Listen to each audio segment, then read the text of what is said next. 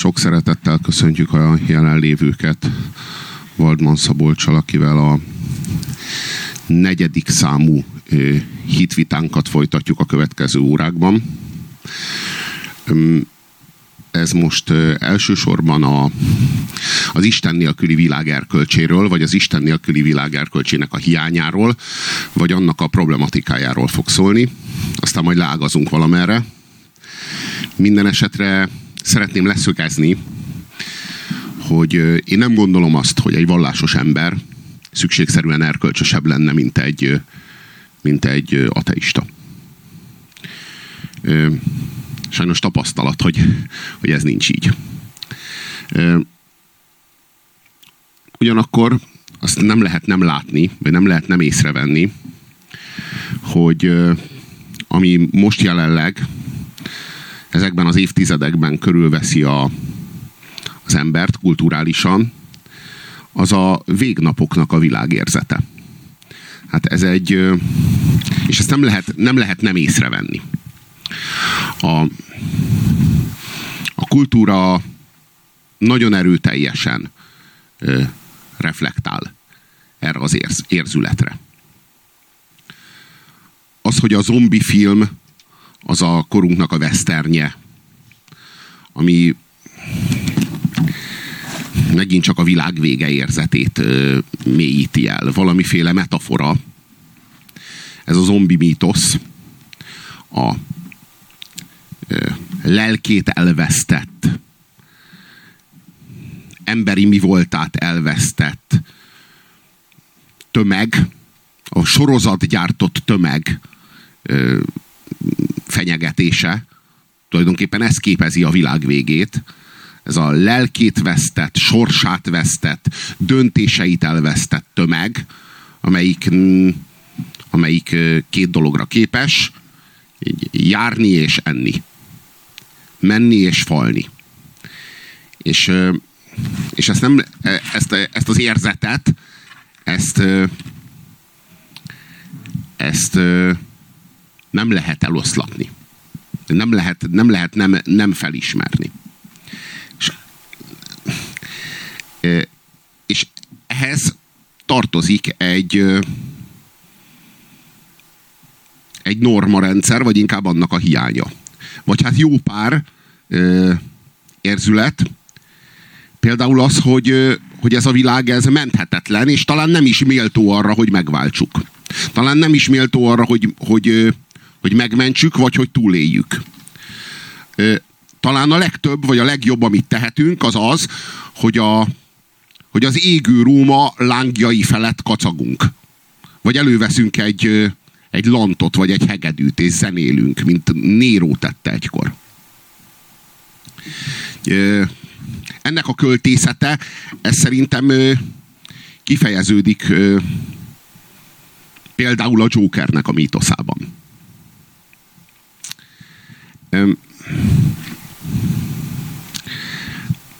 mi marad a, az emberiség számára egy ilyen, egy ilyen apokaliptikus közegben? Mi marad a, az, az erkölcsnek a megürült helyi értékén? És én azt látom, hogy alapvetően három erkölcspótlék, vagy erkölcs hamisítás képződik. A legőszintébb ezek között a pszichopátia. Nyílt, frontális, tényleg azt lehet mondani, hogy az az, ami ami egy ami egy génszekvenciaként indult, és egy kvázi születési rendellenességként indult, bár a pszichopaták ezt nem rendellenességnek látják, hanem ők ezt, ezt látják rendnek. De aztán vált belőle egy pusztítóan erős mém ami ö, ma már a ma már ö, tulajdonképpen sikerrecept.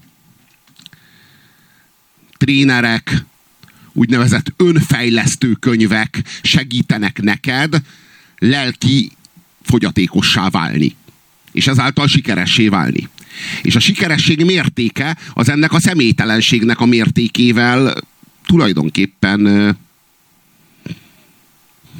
párhuzamos, tulajdonképpen arányos amilyen mértékben veszíted el az emberi mi voltodat, és válsz ezzé a személytelenné, olyan mértékben válsz sikeressé az, az apokaliptikus közegben. Másik, másik irány az, azok a 20. századból ismert rémideológiák, és egyáltalán nem biztos, hogy vége van hogy egyáltalán nem biztos, hogy vége van ennek a sötét korszaknak, hogy több rémi ideológia már nem fog képződni. A, az erkölcs nélküli tér ö, értésére, működtetésére, vezérlésére. És a, a harmadik irány az pedig egy mostanában képződő absztrakt etika, ami tulajdonképpen a 2000 éves erkölcsnek a helyére lép, amelyben a reláció mindig felértékelődik, és a kontextus mindig leértékelődik. Tehát nem számít, hogy te ö, hajléktalan vagy, ö, nem számít, hogy a, az áldozatod az egy cégvezető, hiszen ő színesbőrű nő, te pedig fehér férfi vagy. Most mondtam egy példát. Tehát ö, ez, ez az absztrakt erkölcs, ez, ez valahogy felszámolja a, az értel, azokat az értelmezési rendszereket, meg értelmezési síkokat, amiken belül a, vagy amelyek általa eddig a világot megértettük, és egy, és egy, egy absztrakt relációra butítja le a, az erkölcsöt. Szóval én őszintén ezt, ezeket a kihívásait látom az Isten nélküli világnak, és, és ezeket, a, ezeket az etikai zsákutcákat látom, amelyekbe az emberiség a, a végnapokban ö, tömegesen ö, beletévejeg. Sziasztok! Valdman Szabolcs vagyok, aki esetleg először vannak itt, hogy először hallgatják ezt a beszélgetést. Én közgazdász vagyok, sportoktató, író, és Michael Walden név alatt publikálok, és hát ez már a negyedik alkalom, hogy így az elmúlt két év során a Robival sikerült leülnünk, ezekről a kérdésekről beszélni, és még mindig teltház van, ez nagyon megtisztelő, köszönöm nektek, hogy eljöttetek. És elsőre úgy fog tűnni, hogy egy kicsit mint hogyha másról beszélnénk, amiről kellene, de a végén majd lesz értelme, azt remélem. Amit a Robi mondott, azokra szeretnék majd kitérni, mert volt közöttük egy, amire kifejezetten ö, szeretnék reflektálni. De ez egy kis kitérőt engedjetek meg nekem, ígérem, hogy ö, lesz köze a témához. Amiről én beszélni szeretnék így elsőre, azok a rémuralmak, amikről a Robi beszélt az előbb, ezek a 20. századi csoda világnézetek, amik nagyon-nagyon sok millió ember halálába, életébe kerültek, és hát így beszélünk itt Hitlerről, Maóról, Stalinról, Pol Potról, stb. Ennek van egy klasszikus védése, amit így gyorsan elmondanék nektek, hogy hogy szoktak védekezni, amikor valaki ezeket a, ezeket a mémeket, ezeket a világ uh, nézeti struktúrákat ateistának mondja, az, ateizt, az ateizmusnak a, a rovására írja fel, ami történt. Ezen én végigfutnék, hogy halljátok ezt is, bár lehet, hogy már volt róla szó korábban, de én egy új gondolatot hoztam ezzel kapcsolatban, amit szeretnék veletek megosztani. Tehát klasszikusan azt, azt szokták, úgy, úgy szokás védekezni a, az ateizmus oldaláról, hogy már pedig ezek a nagy diktatúrák nem is voltak igazán ateisták. Mondom, ez a, az a védekezés, amit hogyha fölmész a YouTube-ra, és angol nyelven mondjuk egy ilyen külföldi vitát meghallgatsz, nagyjából ezeket az érveket fogod hallani. Például ebből az első rögtön az, hogy már pedig Hitler eleve nem volt ateista, az ő ö, környezete sem volt az, Hitler keresztény volt, igaz, hogy nem volt minta keresztény, igaz, hogy az ő mű kereszténységéből nem kellett volna, hogy következzen egy láger, tehát a láger nem következménye ö, a kereszténységnek, ezt nem állítja senki, de azért azt sem, azt sem szabad eltagadni, hogy mondjuk Hitler első komoly békeszerződése ugye a Vatikánnal volt, nem hiába nevezik a harmadik birodalomnak. Stálin ezzel szemben szokták mondani, hát ő igaz, hogy ateizmust hirdetett, gyakorlatilag egy nagyon hiszékeny, nagyon elmaradott világnak volt az ura, amely az ő előtte közvetlenül még gyakorlatilag isteni lényként tisztelte a cárt, és ebbe Stálin nagyon kényelmesen beleült, csodákat művelt, nem tudom, tudjátok-e, micsoda csodákat írnak az ő ö, ö, rovására, mint például az, hogy beszélt születéskor, ö, a madarak megszólaltak emberi nyelven, amikor napvilágot látott, ugye a, az a géntechnológiai csodák, amiket az ő rezsimje végrehajtott, azokat ilyen, ilyen, ilyen égből jött varázslatnak adták el. Tehát, hogy igaz, hogy ateizmust hirdetett, de ahogy Mao is, az ateizmusból gyakorlatilag egyfajta vallást csinált. Na most, ennyit valami is ennék ebbe bele, ez az, amit mondom, így szokás ezt a dolgot védeni, hogy hát már pedig ez nem is ateizmus. De azt el kell nektek mondanom, hogy a valóság az, és nem szabad eltagadni egyik oldalról se, hogy valóban ateisták voltak. Valóban nem hittek Istenben, és valóban művelték azt, amit műveltek. Ezt eltagadni botorság volna.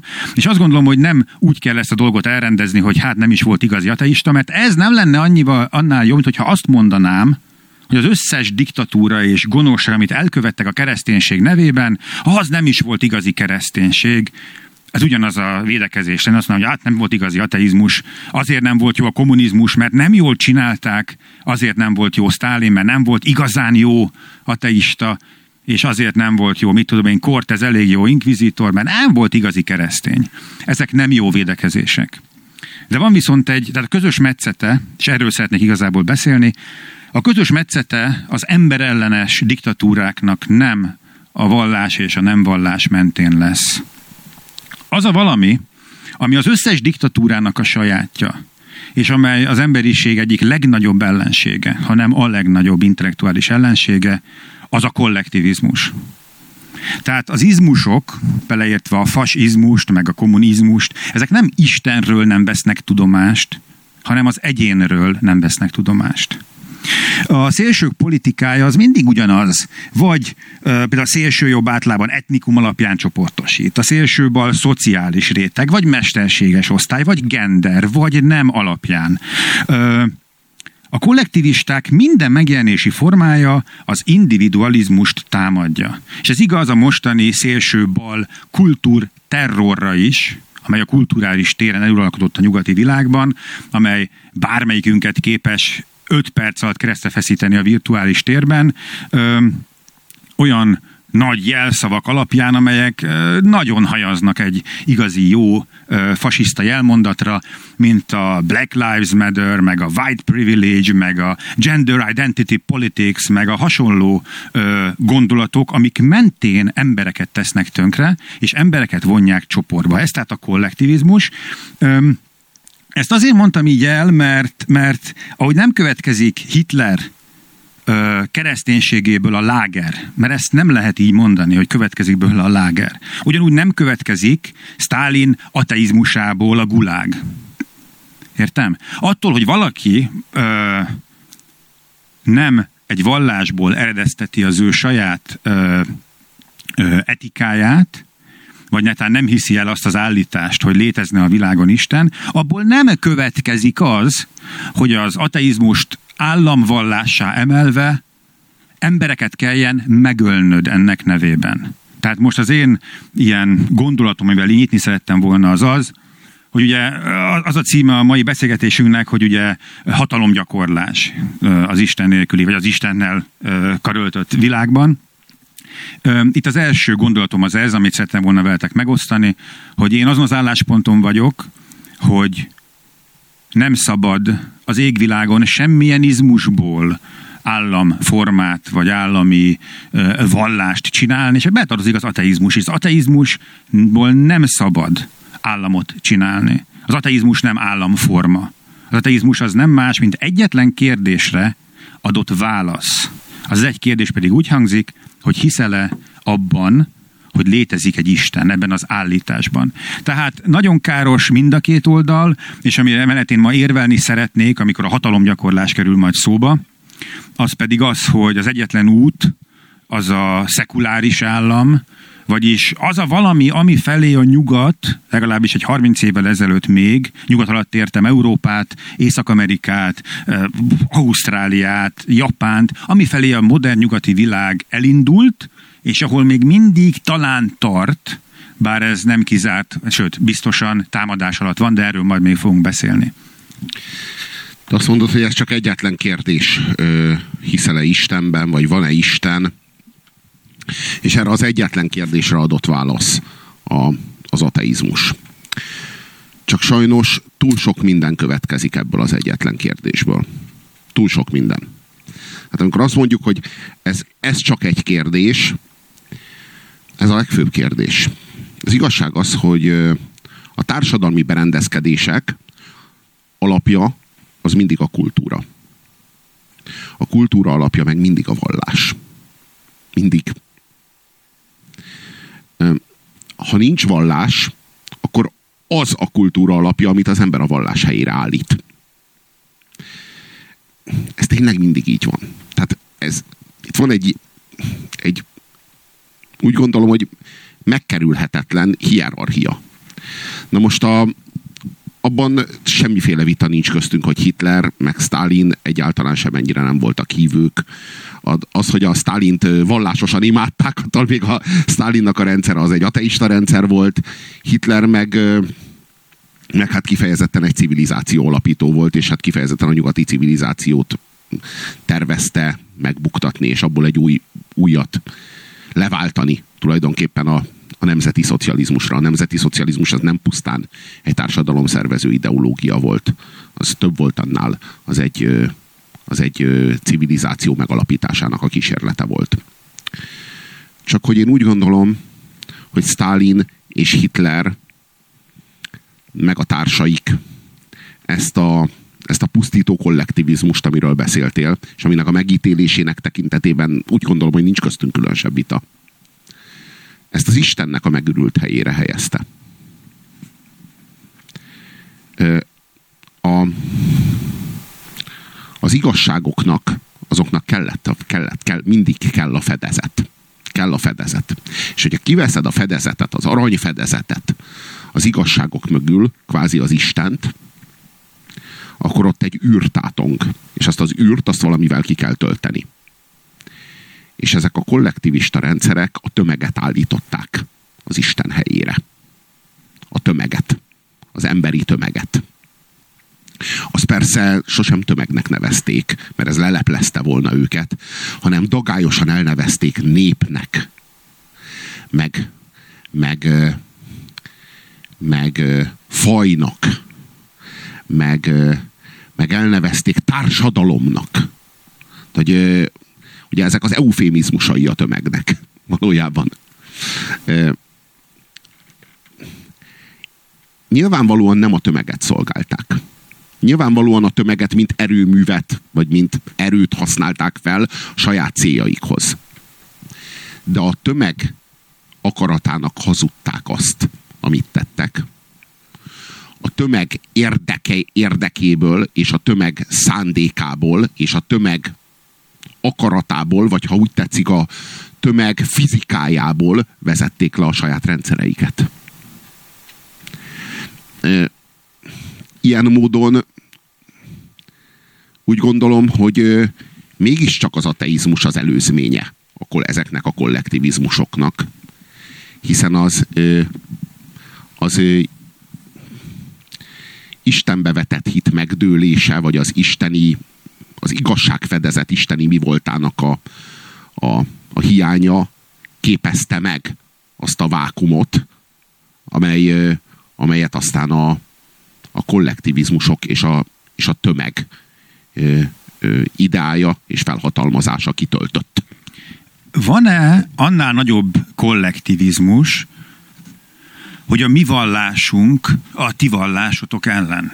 Ennek a nevében keresztes hadjáratokat indítottak el. Nem, én tudom, hogy a történet nagyon érdekes külön beszélgetés lenne, ugye felfedni a valódi történelmi okait, a keresztes hadjáratoknak a következményeit, de a köznépnek ez úgy volt eladva, hogy azért megyünk, hogy megvédjük, mert mi vagyunk mi, ők ők, és ez odáig fajul, hogy leírják, hogy egyszerűen egy muszlimot megölni nem, hogy nem bűn, hanem az eleve egy állat. Ez onnan is kiderül, hogyha megnéztek korabeli kódexeket, illuminált kéziratokat, akkor nagyon gyakran a, a szaracénokat, vagy a muszlimokat ilyen pikkelyes, kék és zöld gyíkoknak festik le, hogy minél könnyebb legyen őket ugye megölni. Ez egy persze szükség is volt egyfajta ilyen tömeghipnózisra, hogy jól elhitetni velük, hogy nehogy lelkismert fudalásod legyen, mert ő nem ember.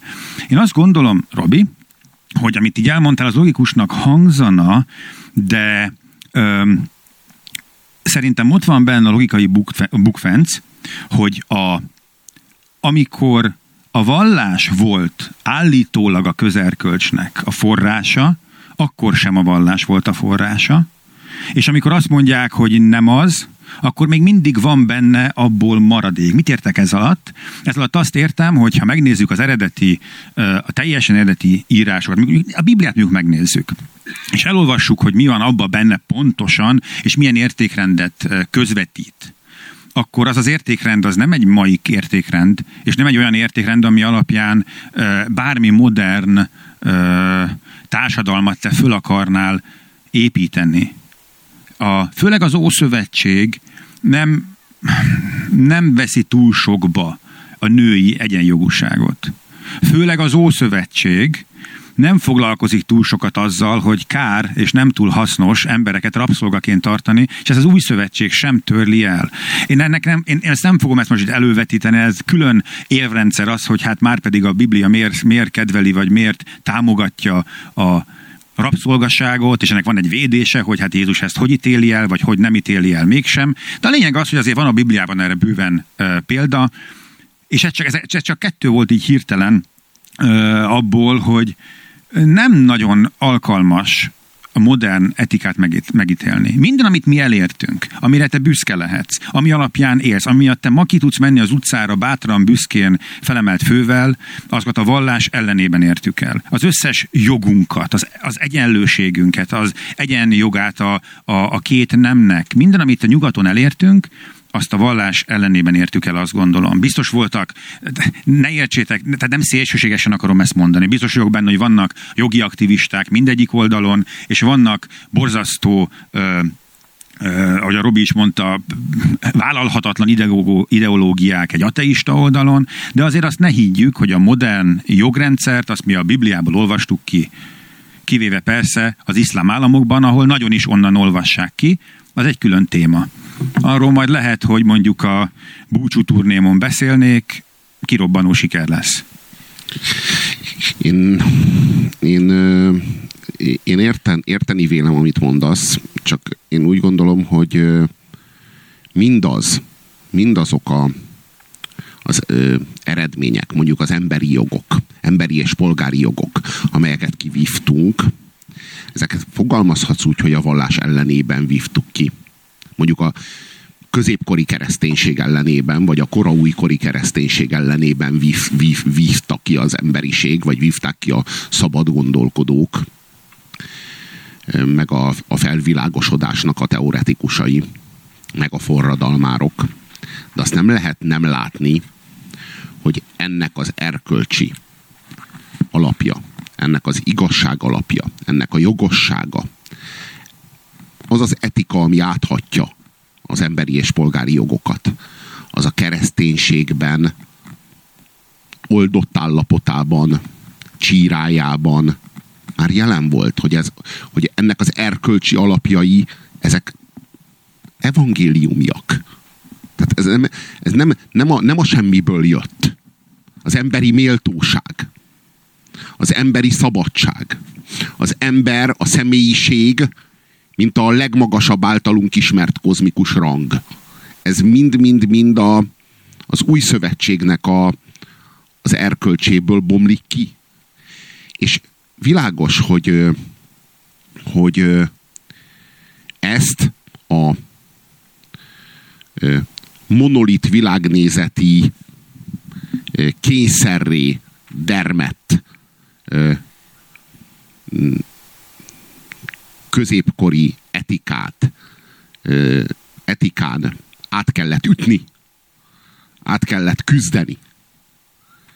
De azt gondolom, hogy, hogy mindezek tulajdonképpen a reformáció hullámai.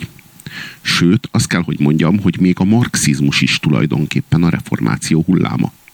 Az én szememben egyébként a felvilágosodás is ebben az értelemben a reformáció hulláma.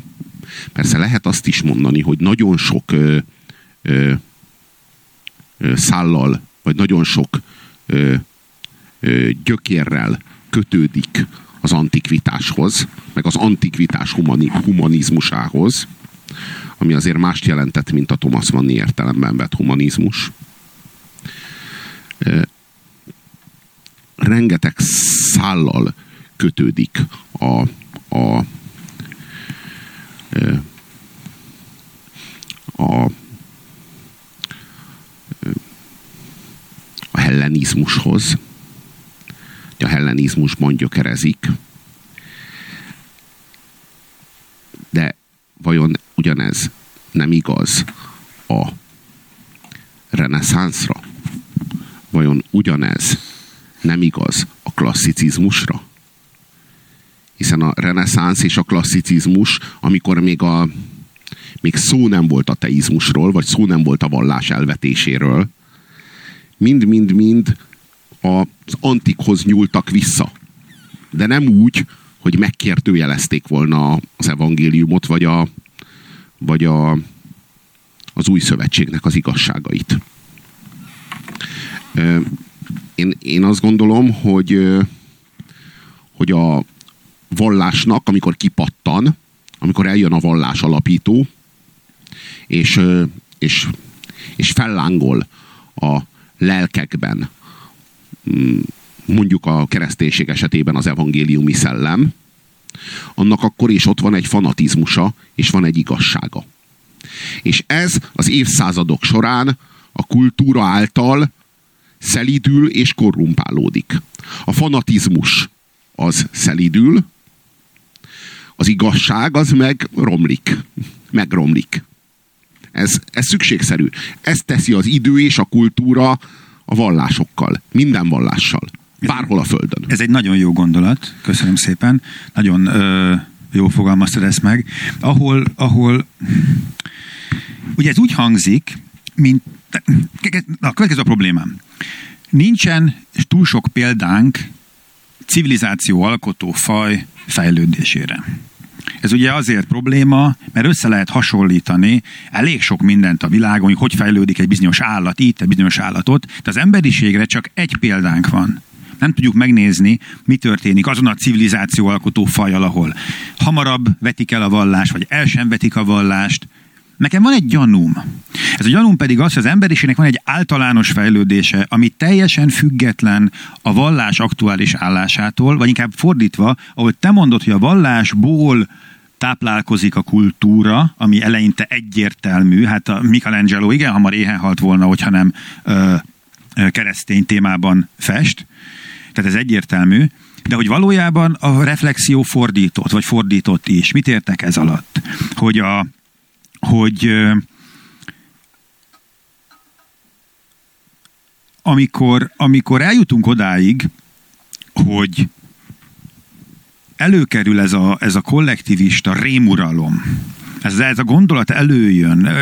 Hogy én korábban mondtam is, szerintem ez sokkal hamarabb megjelenik, de amikor ekkora mozgalom válik belőle, mikor a néphadseregek ideje eljő, mikor, mikor polgárrá emelünk mindenkit, és egyben mindenkire támaszkodunk, és ők az a tömeg, amin építem a hatalmamat, mint, mint diktátor, ez biztos, hogy csak azért született, és abban a pillanatban született, amikor közösen elvetettük, hogy már pedig Isten nincs.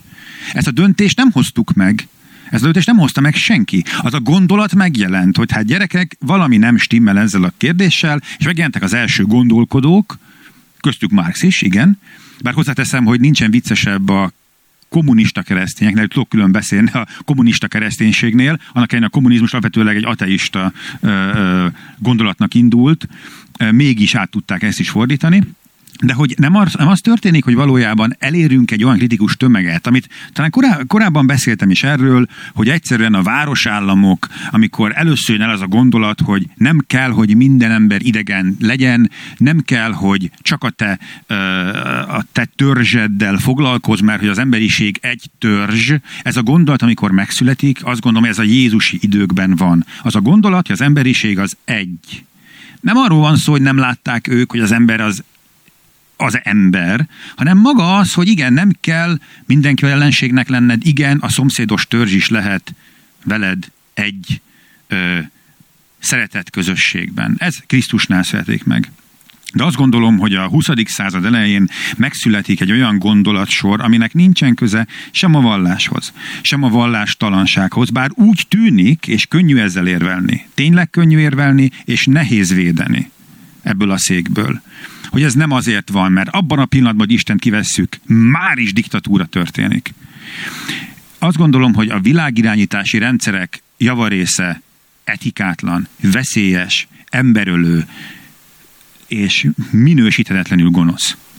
Az egyetlen igazi utat én abban látom, ez is ilyen politikai kérdés ugyan, hogy ez, a, ez az individualizmus, az egyénnel való foglalkozás, az egyének szabadságjoga. Ez, szél, ez, ez, ez szükségszerűen egy centralista politika, szükségszerűen, szükségszerűen mérsékelt, egyenlő távolságra minden disznóságtól. Nincs más út. És ez, ha szekuláris alapon van, akkor elértük az én utópiámat. Mert a szekularitás nem azt jelenti, hogy tagadjuk Istent. Nem azt jelenti, hogy világ nézetet farigcsálok belőle, hogy államvallást farigcsálok abból, hogy Isten nem létezik. Ez, ez nem is igazi, ez nem is igazi ateizmus ám, ez inkább antiteizmus már. Amikor militáns módon embereket ölök azért, mert ők azt merik hinni, hogy létezik Isten, az nem ateizmus. Az valami egészen, egészen más és nagyon sötét dolog.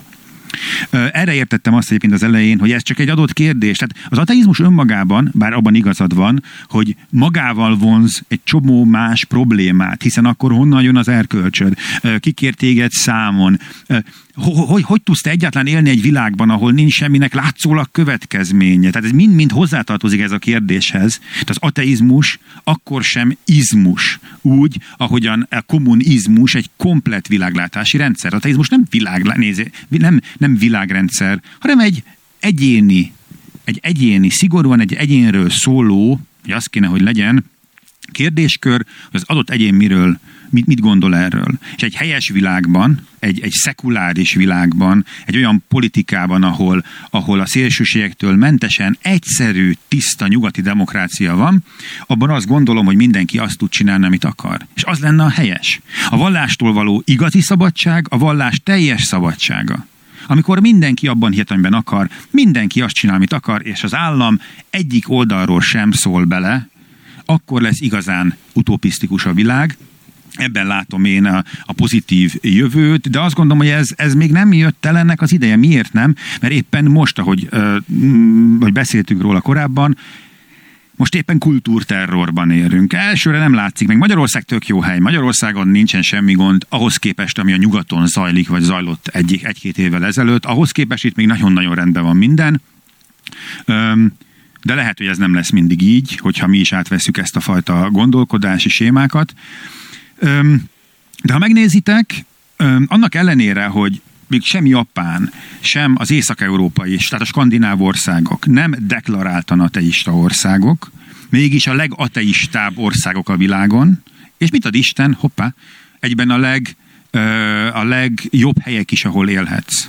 Tehát, ha választhatsz, hogy hol akarsz élni, akkor a nyugaton akarsz élni. És a legnyugatabb helyek Észak-Európa, Kanada, ezeken a helyeken akarsz élni. Ezek az országok, ezek szekuláris ország irányba mennek, nem bántják azt, aki, aki hívő, és a népesség egy erős, hogy egészen nagy része nem is hívő, és még sincs erőszak az utcákon, bár hozzáteszem, hogy azért változik ez a dolog az elmúlt években, mint tudjátok talán, hogy a népesség összetétele ott is megváltozott, lehet, hogy már nem is annyira ateista ország, mint mondjuk tíz évvel ezelőtt volt.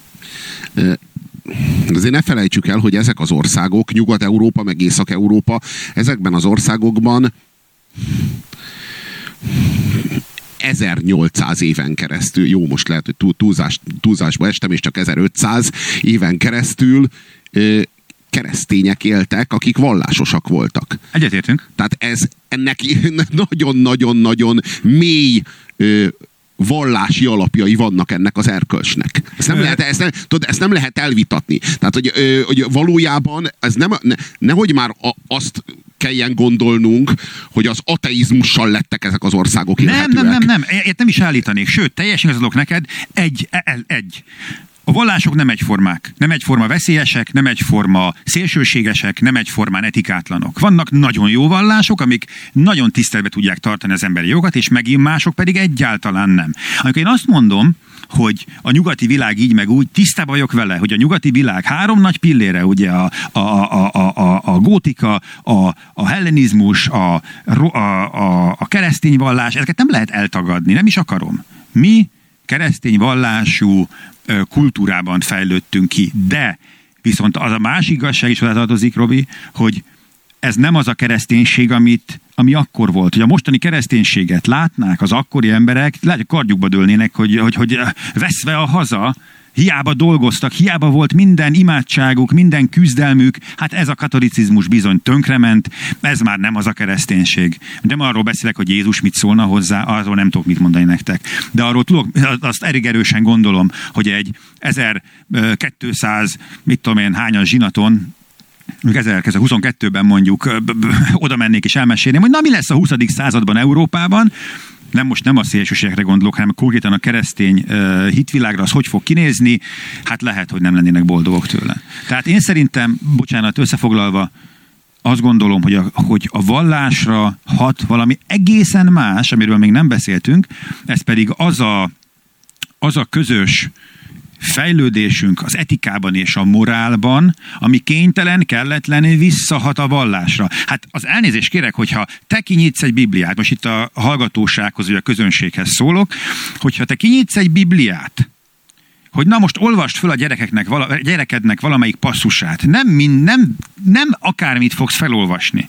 Kiválasztod azt, ami szerinted jó.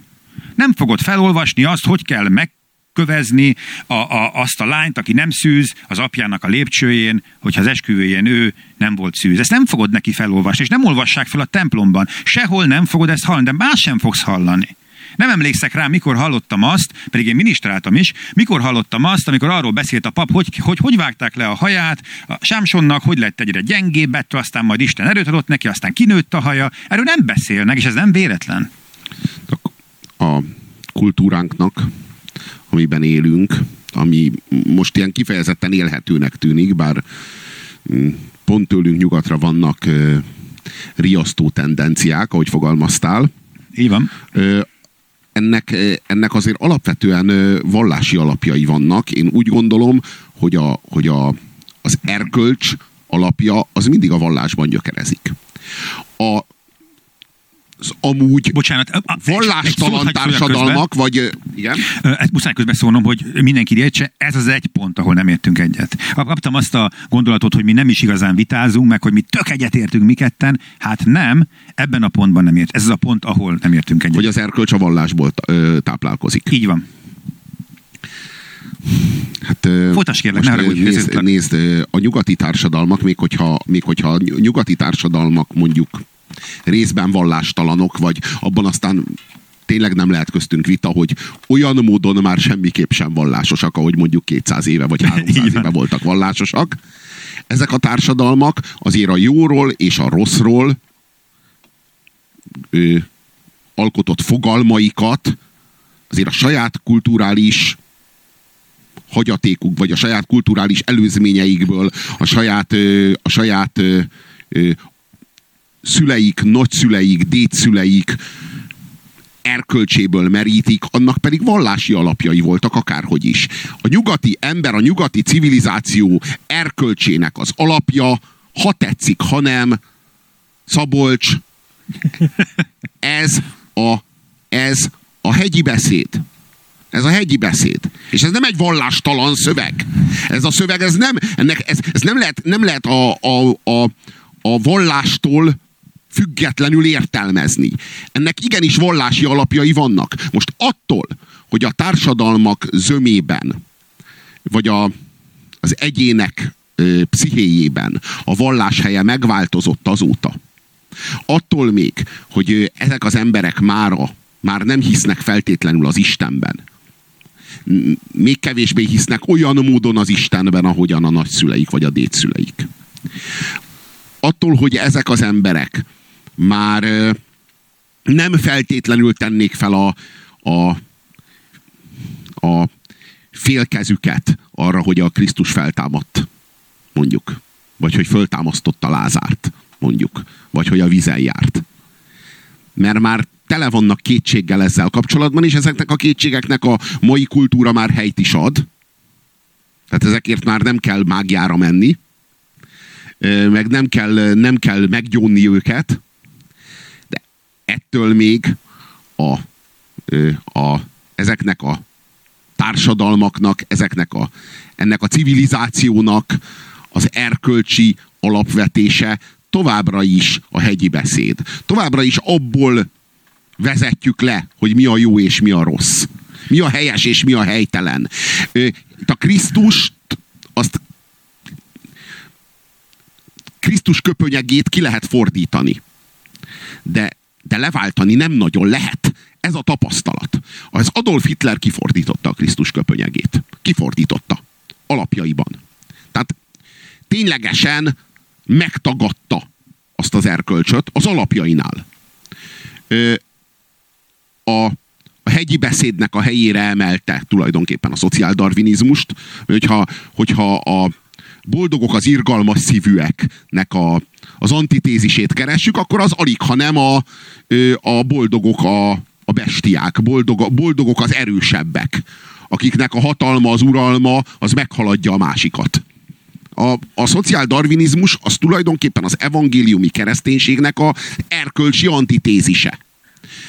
Ki lehet fordítani, de vajon független volna a hitleri ö, ideológia, a nemzeti szocializmus, amit tulajdonképpen Hitler ebből a három forrásból Darwintól az ideológiát, Nietzsétől a küldetést, és, és Wagnertől a mítoszt merítette a saját ideológiájához, hogy a saját, a saját világnézetéhez, lehet ezt függetleni a kere, függetleníteni a kereszténységtől? Lehet ezt függetleníteni Jézus Krisztustól? Amikor azt látjuk, hogy a módszeres tagadására a krisztusi normarendszer módszeres tagadására épül fel, vagy mondjuk a marxi ö, ideológiát, ami tulajdonképpen a a hegyi beszédnek a,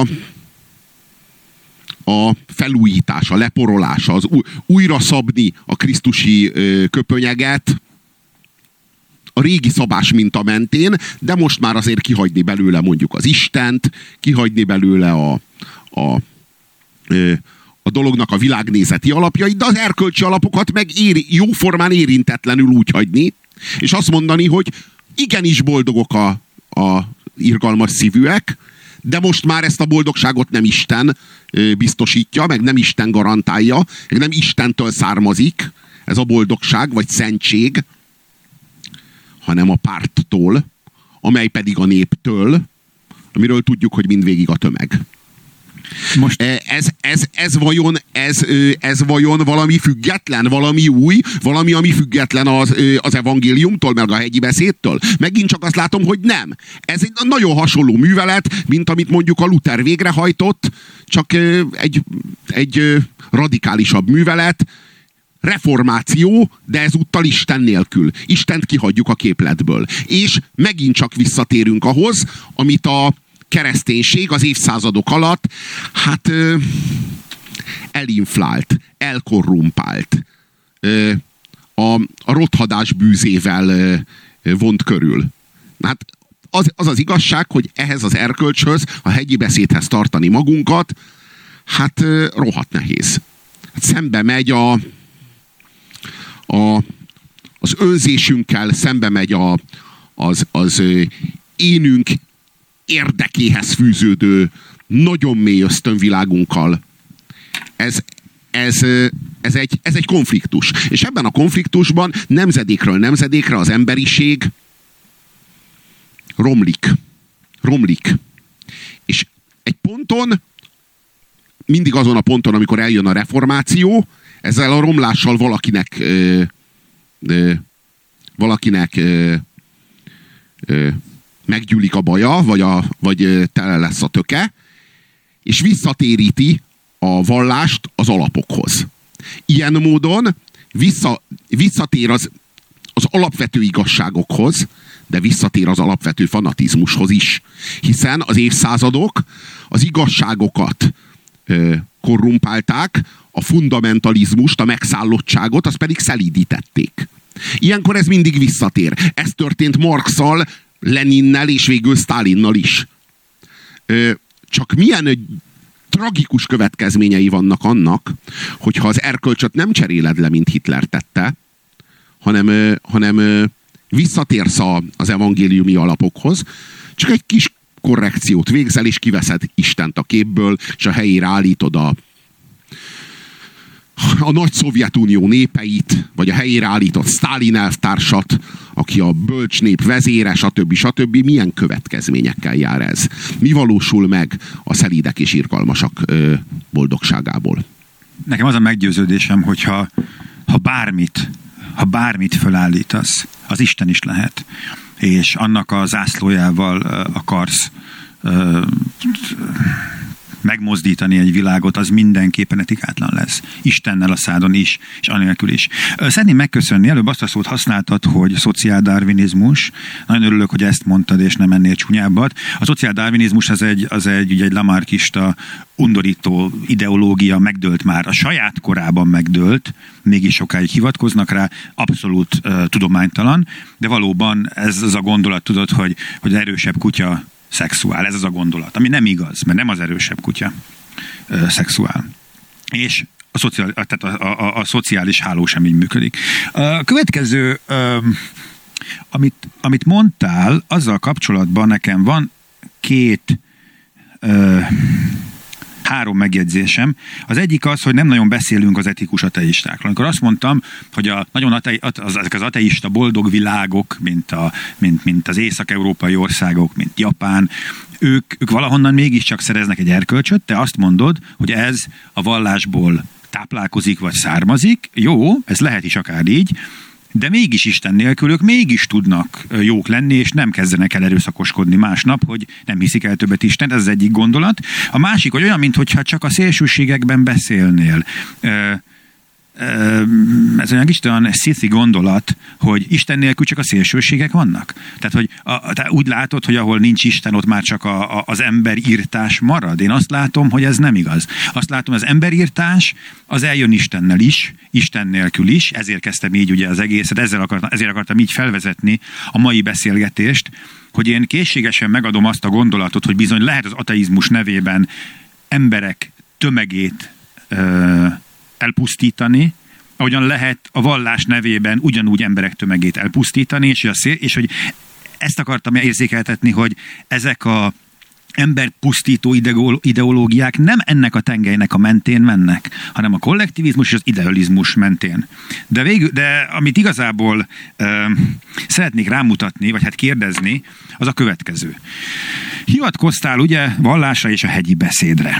Én azt gondolom, hogy az érvelésed addig a pontig tökéletesen helyes, hogyha a vallás valóban Istentől származik.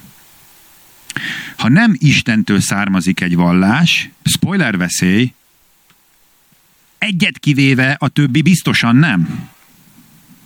Nem tudom, melyik az az egy, megy, hogy van-e olyan egy. Ugye van ez a mondás, hogy, hogy lehet az összes, de nem lehet az összes vallás egyszerre igaz, de lehet, az egy, de lehet az összes vallás egyszerre hamis.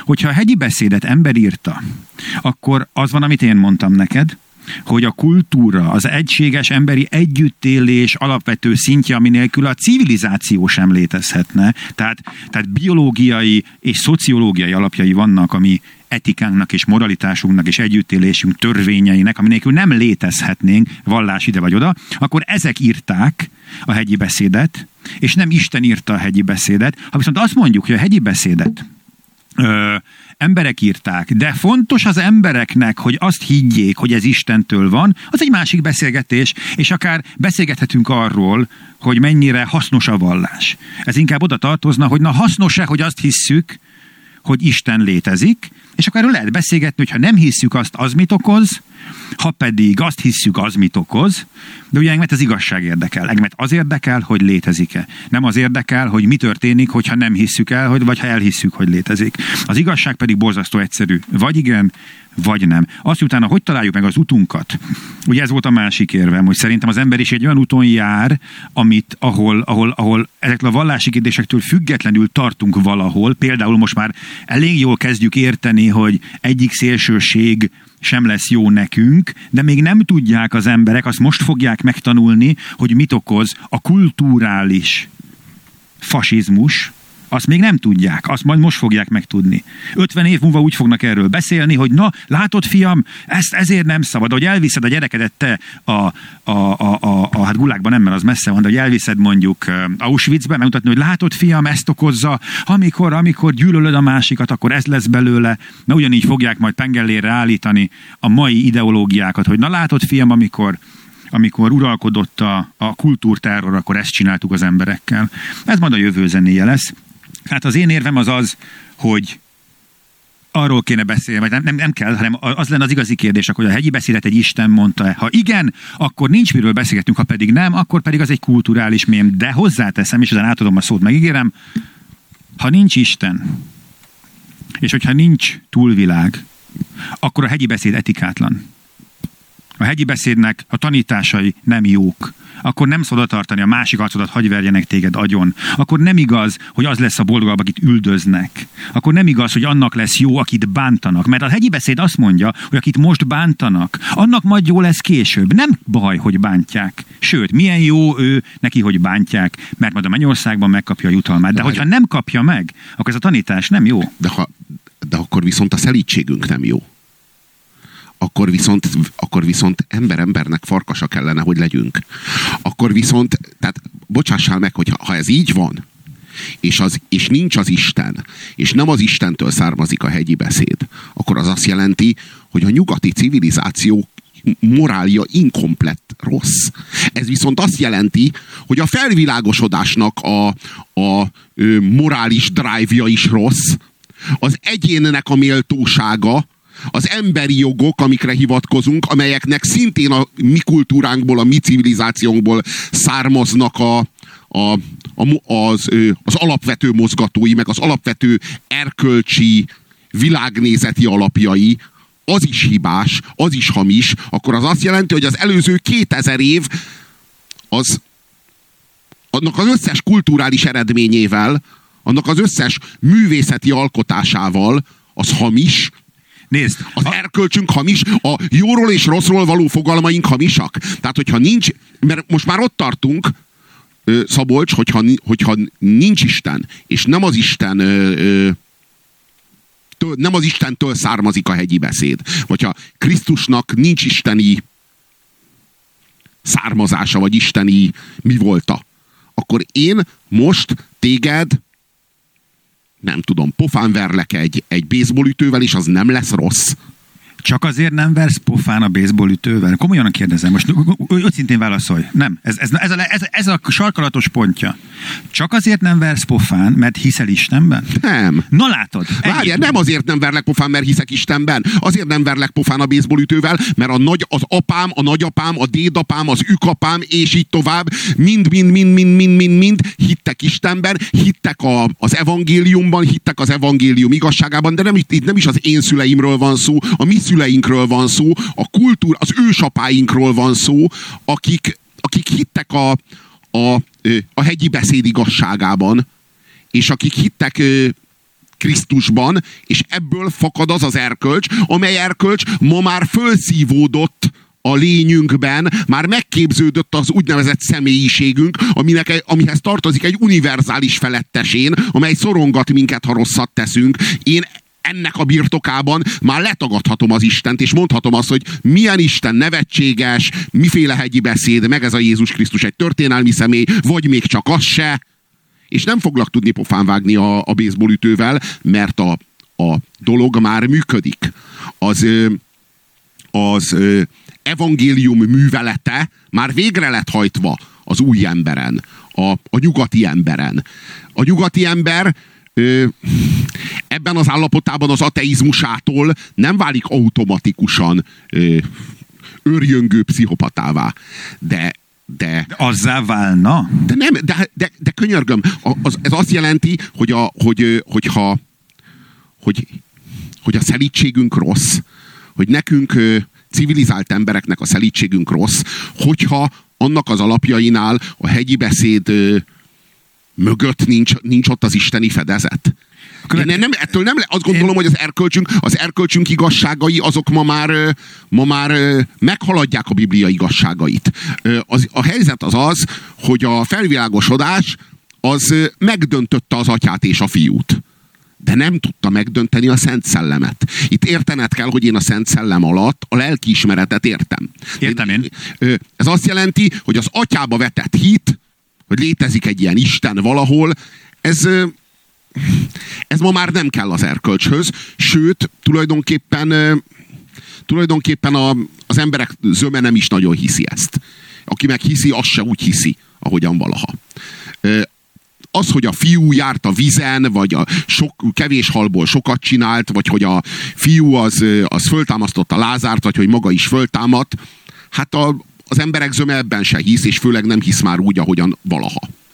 De ettől ez valahogy nem érvényteleníti el az, az erkölcsöt, meg a jóról és a rosszról való fogalmainkat. Nézd, a... a Szent Szellem, a Szent Szellem, a lelkiismeret, azt valahogy Diderot nem tudta megtagadni, vagy nem tudta letagadni. Aztán jött Hitler, és megkísérelte ezt a harmadikat is ö, felszámolni, felülírni, átírni, új felettesén írni. A hegyi beszéd helyére állítani egy, egy új ö, erkölcsi maximát, ami mögé nem kell az Istennek a, a, a léte, mint fedezet, mint, fe, mint, mint az igazság fedezete, hiszen ott van mögötte a Darwin fajok eredete című könyvének a, az igazság fejezete, ott, vannak, ö, ott van mögé a, a a Nietzsének az Imigyen szól a Zarathustra című könyvének a, a, az, az igazság fedezete, és hát ott van mögé a, a Wagner életműnek a, a mítosz, mítosz világa. Értem, mit mondasz. Nagyon könnyen húztál most egyenlőségjelet a hegyi beszéd és minden keresztény etika és moralitás közé. A hát, mert beszéd... az a lelke, azt gondolom, hogy abból fakad. Tehát azt gondolom, hogy a, azt gondolom, hogy a kereszténységhez, meg az új szövetséghez, vagy a, vagy a, a Krisztushoz, a hegyi beszédnél közelebb már nem jutunk, mert szerintem az az erdő közepe, ahonnan bármilyen, bármilyen irányba mész, onnan már kifelé mész az erdőből a hegyi beszédben nem tudom milyen olyan pont van, ami, ami képessé tesz minket arra, pontosan a hegyi beszédről beszélek, ahogy mi ketten itt most kultúráltan beszéljünk.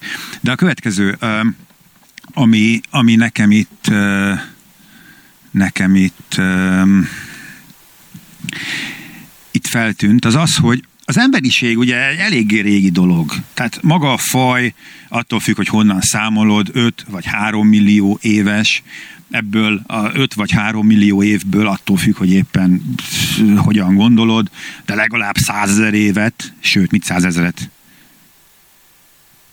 250 ezer évet ö, már szép, nem, nem kultúrában, de, de csoportosan töltött, nagy utakat tett meg, a civilizációnk Krisztus előtt nagyon sok ezer évig már létezett. Ezek az emberek, ezek nem ölték meg egymást úgy ölték meg egymást háborúban, mert valaki félreértené, ahogyan minden más háborúban is megölik egymást az emberek, de azt ne higgyük már, hogy egy, egy 6000 évvel ezelőtti családban be lehetett verni egymás fejét. Ne higgyük azt, hogy a szomszédot hozod ment és meg tudod erőszakolni a feleségét azelőtt, hogy megmondta volna neked Mózes, hogy ezt nem, lehet, nem kellene. Ez, én, az, az, én amellett érvelek, Robi, hogy értsed az érvemet, amellett érvelek, hogy az ember etikája szükségszerű, és mi erre, erre tenyésztettük saját magunkat, hogy együtt tudjunk élni, városokban, országokban, családokban, társasházakban, ami képessé tesz minket arra, hogy ilyen, ilyen 60 négyzetméteres panellakásokba egymás mellé zsúfolva, egymás szagát, hangját, ricsaját hallgatva képesek legyünk élni, ez olyan valami, ami nem úgy független a vallástól, ahogyan lehet, hogy te érted, hogy én értem, hanem úgy független a vallástól, hogy inkább a vallás az, amit az ember írt a saját etikája alapján leírva, kialakítva. Mert hogy ugye, következő, nézzétek, előbb mondtam, a vallások javarésze nem igazi. Az Istenek javarésze hazug és hamis. Ha mert ugye most én nem ilyen hipotetikus, meg ezoterikus, meg ilyen mindenféle uh, New Age dolgokról beszélek, konkrétan az Istenről, és konkrétan az egyigaz vallásáról, az egyigaz könyvéről. Mindannyian tudjátok, nagyon sok Istenről tudunk. Van a világon vagy 9000 vallás. Ezek között van egy csomó, ami nagyon ellentmond egymással. Ezeket emberek ki tudták találni, és ki, ezek a vallások képesek voltak arra, hogy a saját környezetükben ellássák a feladatukat. A vallás, azokat a vallásokat, akik művelték, kaptak választ az élet nagy kérdéseire, fel tudták dolgozni a halált, fel tudták dolgozni az élet dolgait, kaptak iránymutatást belőle, hogy kell élni, hogy kell elkölcsösen élni. Ezeket valaki megírta. Tehát oké, okay, jó, a hegyi beszédet Jézus írta, de ki írta akkor a Koránt? Ki írta akkor a Mahabharátát? Ki írta akkor a Bhagavad Gita-t? Mindegyiket ugyanaz az Isten írta? Vagy mindegyiket, vagy van közöttük akár csak egy, amit nem egy Isten ír? akkor van közöttük egy, amit nem egy Isten írt, hanem egy ember. Tehát az ember az egy isteni hatalommal bíró lény volt, mert tudott olyat írni, mint egy Isten. Persze elmehetünk abba az irányba, hogy azért tudott olyat írni, mert mindannyiunkban ott lakozik egyfajta isteni kép, és az írta ezt a valamit, és az ember, e, e, ember által létrehozott, öngenerált, mindenható, az az ember mindenhatóságában megszületett isteni lét, igen. De nem. Nem. Nézzék. Pedig majdnem egyetértettünk, Laszki. Ezek olyan gondolatok, amik szépek, jók, de ezeket én nem tudom megvitatni. Ezek olyanok, amire még kevesebb tudományos magyarázatot tudunk találni, mint a, arra az egyszem Jézusra, akire van. Még nehezebb megfogni, még nehezebb bizonyítani. Nem találsz két embert, aki ezt a New Age-es, ezoterikus istenhitet egyformán tudna elmondani. A keresztényeknek egy jó dolguk van, mint a katolikusoknak, hogy az, tudsz találni két papot, akik hasonlóan mondják el ugyanazt de az ilyen, ilyen egyéb ezoterikus világban nem nagyon fogsz találni. Elég, ha kinyitsz egy ilyen harmadik szem magazint, vagy hogy hívják, hát csodálatos dolgok vannak benne, nem is tudtam, mik léteznek a világon, de én erre gondolok, tehát, hogy ezek szerint tudunk mi írni ilyen könyveket, Robi, ez az én gondolatom, valamelyik vallás ezek közül ember által írt, és mégis jó. Tehát nem az, nem az a vita kérdése, hogy jó-e a kereszténység. Ember által, ember által írt de az az ember, az a kérdés, hogy az az ember, az, az hozzáfért-e az isteni tudáshoz, hozzáfért-e a, az igazsághoz. Az ember a valóságban van, a valóságban él, a valóságban létezik, és csak a valóságban tud írni, meg a valóságban tud fogalmakat alkotni, mert a valóság az a nyelvi konstrukció, ami ezekből a fogalmakból felépül. Ez egy nyelvi rendszer. Na most az igazság az meg fogalmakon, szavakon, fogalmakon kívül, kívül áll. Valami, amit nem lehet olyan módon megfogalmazni, szó, szóvá, fogalmivá tenni, mert, mert abban a pillanatban az már valóság lesz, és, és nem az igazság. Az igazság az, az kifejezhetetlen. Hát arról volt szó, fölfér egy smaragtáblára. Na, arról van szó, hogy át, át lehet lépni az igazság szférájába. És az igazság szférájából a valóság szférájába át lehet hozni tartalmakat. Most az az igazság szférája, az az, az, az isteni igazság. Az az, az, a, az az isteni, az az isteni szféra. Az az em, akkor fogalmazunk úgy, hogy az ember feletti. Most akkor kb. ugyanazt fejeztem ki. Ebből az ember feletti szférából a sámán, a vallás alapító, a misztikus, a beavatott át tud hozni tartalmakat, és azt a kőtáblára, vagy a smaragtáblára fel tudja vinni. A Jézus Krisztus volt az, aki ezt a tartalmat közvetlenül az emberi szívbe vitte át. Nem a táblára, nem a kőtáblára, nem a smaragtáblára, mint Mózes és Hermész tették, hanem a szívbe. Ezt hívjuk úgy, hogy lelkiismeret. Abban igazad van, hogy mindig is volt erkölcs. Hm, valamiféle erkölcs. Mindig is volt. De nem volt univerzális erkölcs. Nem volt univerzális felettesén, ami a szívbe van írva, ami gyakorlatilag eligazít téged minden helyzetben. Tehát amit nem kell megnézni, hogy mit ír erről az írás. Nem kell megkérdezni a fatert, hogy fater szabad-e ezt. Hanem ami téged gyakorlatilag az Isten igazság birtokosává tesz, mert saját érzéked van az erkölcshöz. Ez az erkölcsi érzék, ez viszont kifejezetten a kereszténységnek a, az innovációja, ez kifejezetten, ez a lelkiismeret ebben az értelemben, ami univerzális és univerzális felettesén. Tehát nem az van, hogy a szomszéd faluban, amit a fater mond, az egy erkölcsi normarendszer, az engem itt kurvára nem szabályoz, mert itt más a fater, és a, ez a fater mást vár el, mint az. Na, ilyen értelemben mindig is volt erkölcs. Csak hát, hogy mondjam, az nem az erkölcs volt, hanem azok erkölcsök voltak. Azért ugye, úgy gondolom, hogy azért érthető a különbség a kettő között. Értem, mit hogy jelent, mit jelent az, hogy, hogy nekünk, neked, meg nekem, a felettesénünk az egy és ugyanaz. Nem, tehát, mert, mert univerzális az erkölcs. Minden körülmények között, térben és időben, minden körülmények között az az erkölcs, az az igaz. Az az igaz. És hogyha nem, nem az az igaz, ha mi mást gondolunk, akkor valamelyikünk téved. És akkor a másiknak lehetősége van, hogy az egyiket meggyőzze erről. Hogy az nem úgy van. Tehát, mert, mert ezt jelenti az igazság. Tehát értjük, hogy ezt jelenti az igazság. Amikor egy vallásalapító leírja a szentiratot, akkor ő azt az isteni szférából hívja le. Az nem...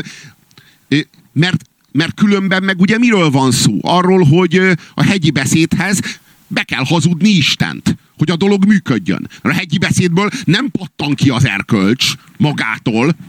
Ugye elmondja valaki a hegyi beszédet, jól van, hülye zsidó, üljél le egyes. ahhoz, ahhoz kell a feltámadás. Ahhoz kell a, kell a krisztusi művelet, úgy, ahogy van. Hát kell és akkor annak, a, szerint, igen. igen. és annak, a, annak az ismeretében, annak a fedezetével válik a hegyi beszéd erkölcsé. Na most... Hát meg az inkvizíció fedezetével, aki megtérített. itt, itt újra, igen, itt lehet hozni az inkvizíciót példaként. Ne, bocsánat, ez értelmes Félig szán, értem, mit akarsz ja, én értem, én, én, én, Igen, én értem. És, és nyilvánvalóan lehet hivatkozni a keresztény ö, a Szent Egyház által elkövetett bűnökre. De itt nem arról van szó, hogy keresztény társadalmak viselték azokat a bizonyos háborúkat, meg azokat a bizonyos bűnöket elkövették, hanem maga az Szent Egyház, ugye, a római katolikus egyház tartotta fenn az inkvizíciót. Csak mondjuk rakjuk az inkvizíció mellé uh, Auschwitznak a halálgyárait. Én odarakom, meg, meg, Én odarakom meg, a, meg, a, meg a gulág, azért kezdtem így. Én és, azt fogjuk látni, és azt fogjuk látni, hogy az egyik az egy sufni tuning volt, a másik az meg egy egy ö, hatalmas tömeggyártás. Egy, egy, hát mondjuk úgy, úgy viszonyul egymáshoz, mint, a, mint az mint mondjuk az én én garázsom, ahol bütykölöm a, a, az autómat, meg mondjuk a General Motors.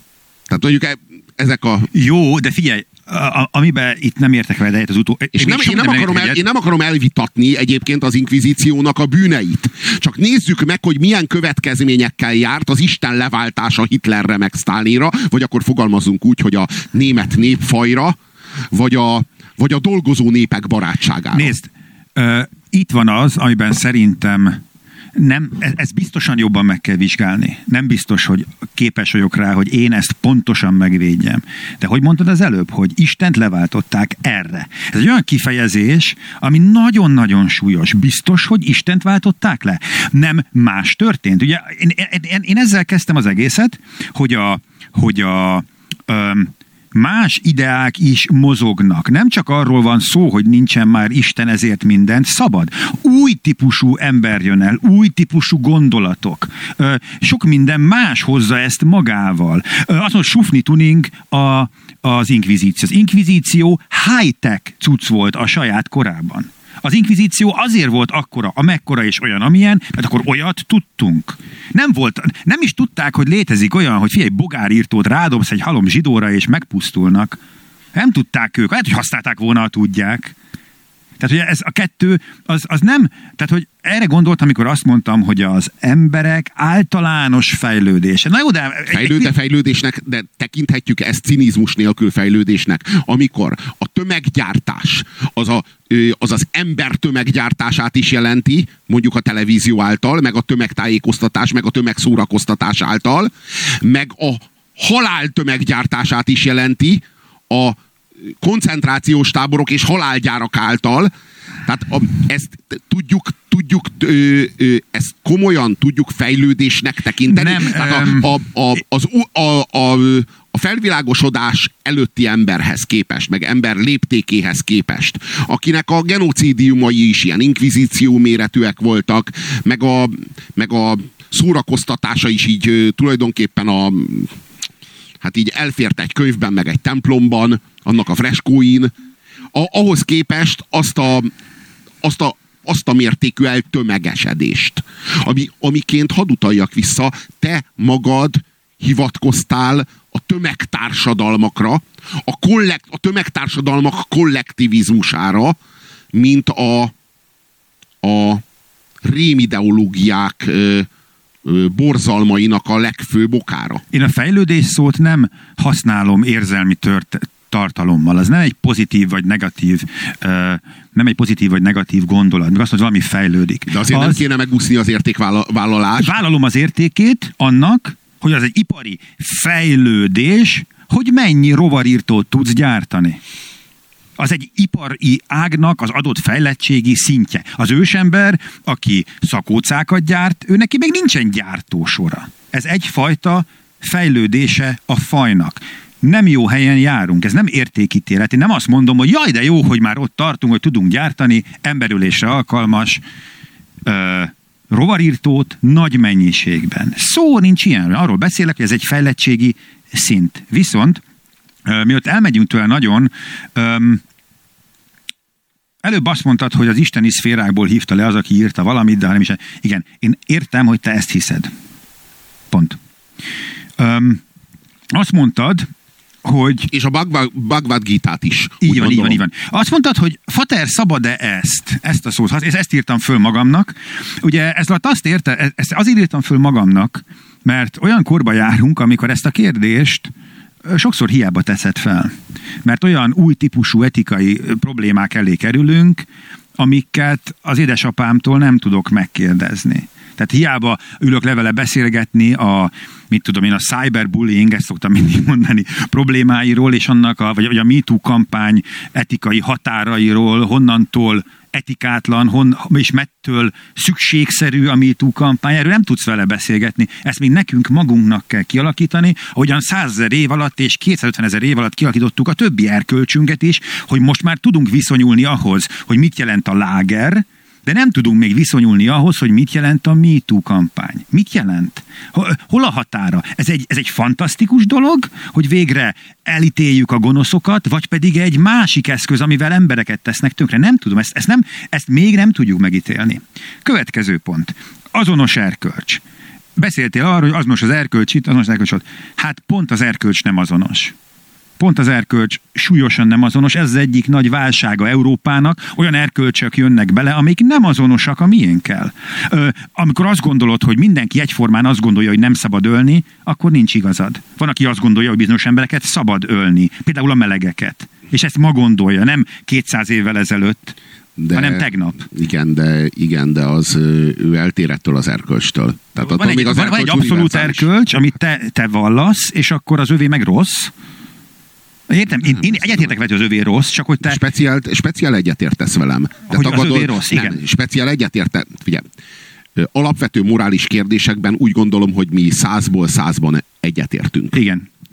még sincs univerzális erkölcs. Na nem áll. Hát mi közöttünk... Mi közöttünk, akiknek a világnézete alapvetően különbözik. Én idealista vagyok, te meg materialista vagy. Mit, a materializmus Jó, mit jelent? ateista vagy. Nem, nem, bocsánat, nem, nem, komolyan. Sokszor használjátok ezt apuba is. Mm. Mi az a materializmus? Abban a világban, ahol tudjuk, hogy az energia is tud anyag lenni, meg vannak sugárzások, meg neutrinók, ott mit jelent a materializmus számodra, vagy számotokra? Hagyj kérdezni, Hogy a- tudja-e, hogy az vagyok-e, Az vagy a- nem? Az, ne- nem az ideákból vezetitek le az anyagot, hanem az anyagból vezetitek le az ideákat. Tehát az, az aki idealista, az úgy gondolja, hogy alapvetően a, a, a fizikai világ törvényszerűségeinek szellemi alapjai vannak. És a szellemből fakad a, a, az anyag, az anyagvilág működése. A materialista az meg pont fordítva gondolja, ő az anyagi világból azt, azt feltételezi ő soknak, és abból vezeti le a szellem világának a, a, a jelenségeit és folyamatait. Apám, mekkora materialista vagyok. Ezek szerint. Igen. Oké, okay, király. Igen. Tehát itt van a, tehát itt van a szituáció. Ö, világnézetileg homlok egyenest mást gondolunk. Én, ö, én idealista vagyok, te materialista vagy, miközben meg száz erkölcsi kérdésről ből százról ugyanazt fogjuk gondolni, és én ezt azért merem megkockáztatni, mert most már negyedszer vitatkozunk, és azt gondolom, hogy nagyon-nagyon hasonlóan gondolkodunk jóról és rosszról. Van- Tehát, ö, tehát kell, hogy legyen, kell, hogy létezzen egy univerzális erkölcs, és, és ha mondjuk tegyük fel, nem ugyanazt gondoljuk, úgy gondolom, hogy valamelyikünk elég hamar meg fogja győzni a másikat.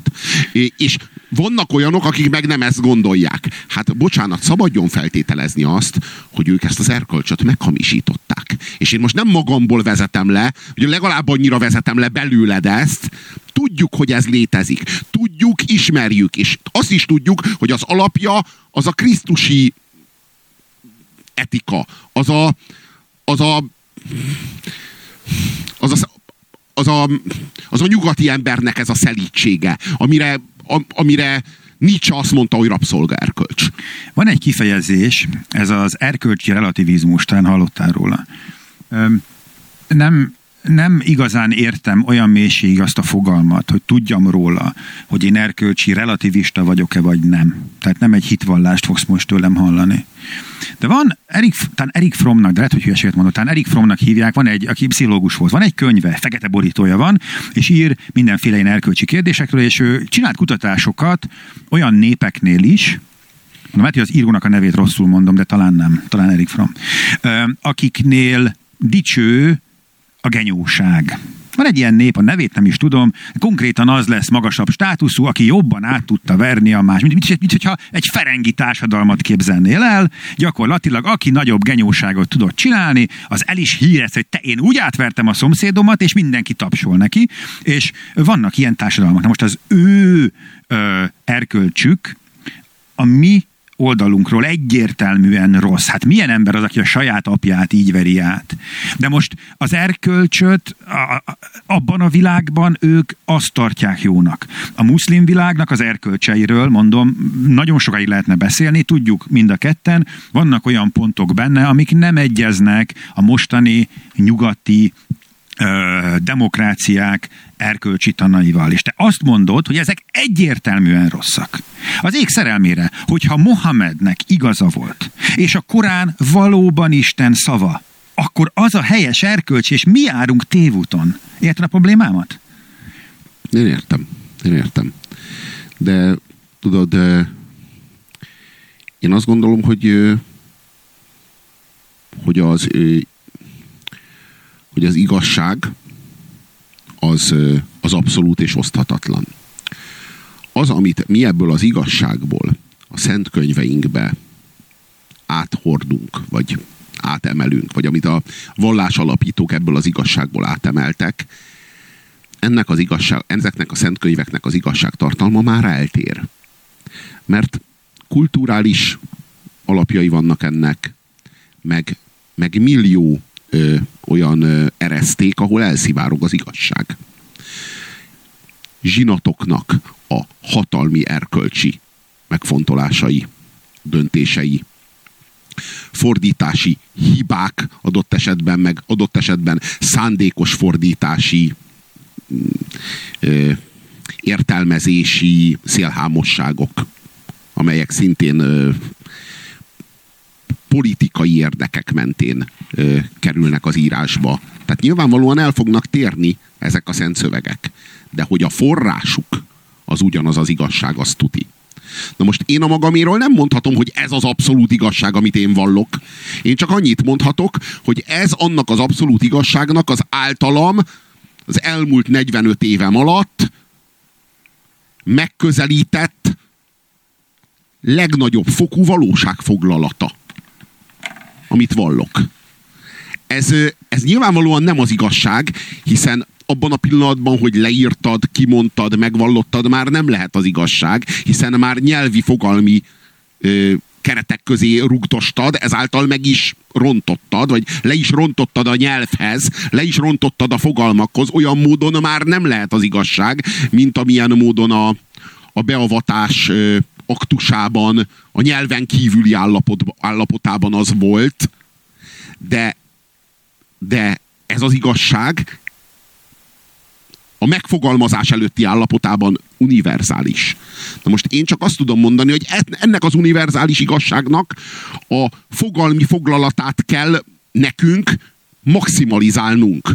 Azt kell ostromolnunk, hogy azt el tudjuk, el tudjuk érni valószínűleg nem fogjuk tudni százszázalékosan elérni, mert mi sem vagyunk mentesek a zsinatoknak a ravazdi csalásaitól, mert mi is öncsalóak vagyunk, mert mi is az apáinkhoz, az anyáinkhoz, az érdekeinkhez, a, a, az előítéleteinkhez hajlítjuk az erkölcsöt. Ilyen módon mi is meghamisítjuk az erkölcsöt. De ez, ettől az erkölcs nem lesz relatív, mi leszünk relatívak, meg a mi fogalmi foglalataink az erkölcsről lesznek le, relatívak. Hadd kérdezek tőled, a tényleg kérdés, hogy értsem.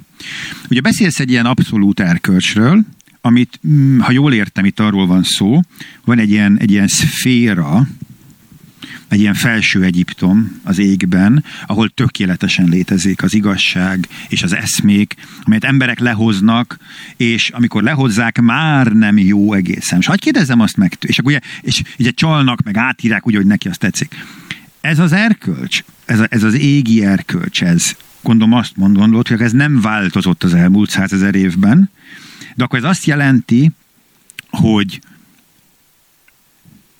ha én most kiállok, mondjuk, és elkezdek küzdeni mondjuk a nők egyenjogúságáért, ami itt nálunk úgy elég jól meg is valósul, de mondjuk az a világ nagy részében, a mennyiségre nagy részében nem valósult meg, és elkezdek ezért küzdeni, akkor itt arról van csak szó, hogy Mózes is hallotta ezt a szférában, te azt mondta, hogy bakker, nekem mennyivel jobb, hogyha el a nőket, le tudom őket igázni, ezért inkább nem beszélek erről a többieknek. Tehát, hogy én nem beszélek arról, hogy a nő egyenjogú, azt fogom lehazudni, hogy valójában olyan, mint a szamár. Ne kívánd meg a szomszéd szamarát, meg a nőjét se. Mert a kettő az ugye nagyon hasonló, Egyikkel ezt lehet csinálni, másikkal azt, vagy fordítva. Mm, mindkettővel lehet csinálni mindent. Erre gondoltam, igen.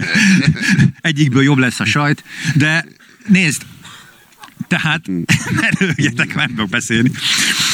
Tehát, Muszáj azt is megkóstolni, mielőtt ne legyünk előítéletesek.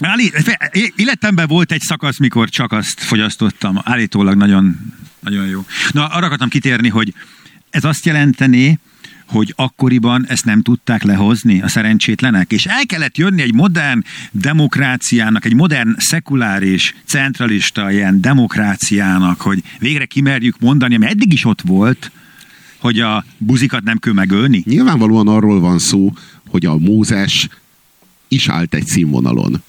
A Mózes akkor, amikor ezeket az igazságokat lehívta, ő állt egy színvonalon, állt egy kulturális nívón. És ő annak a kulturális nívónak megfelelően hívta le az igazságokat. Ennek megfelelően azok, az, akkor, az annak a kornak volt, a, volt a, az igazság forradalma. Azért nem kell alábecsülni a, az, az Ószövet, mármint a, a tíz parancsolatot, mert az akkor az már önmagában a, a monoteizmus egy leírhatatlan, fel, felmérhetetlen mértékű ö, ö, szellemi forradalom volt. Az egy a, akkori mm, ö, szellemi eszmei ö, ö, mértékkel vizsgálva, az, a, az, egy, az egy forradalmi abstrakció volt az emberi gondolkodás számára. Tehát akkor nyilvánvalóan annak a kornak és az adott koremberének az igazságai, azok abban a kulturális foglalatban, abban, a, abban a, azon a, a kulturális nívón ezt a formát öltötték.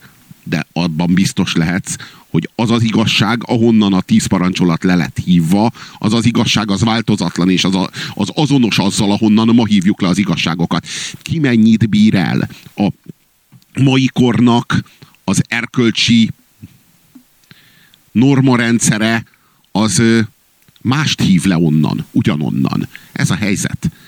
Egyszerűen már önmagában a kihívások, a kulturális kihívások. És és mindaz, amiben bele, bele, bele nőtt, amiben felnőtt egy Mózes, vagy amiben felnő egy mai ember, hogy lehetne ugyanaz a válasz ezekre? Hát igen.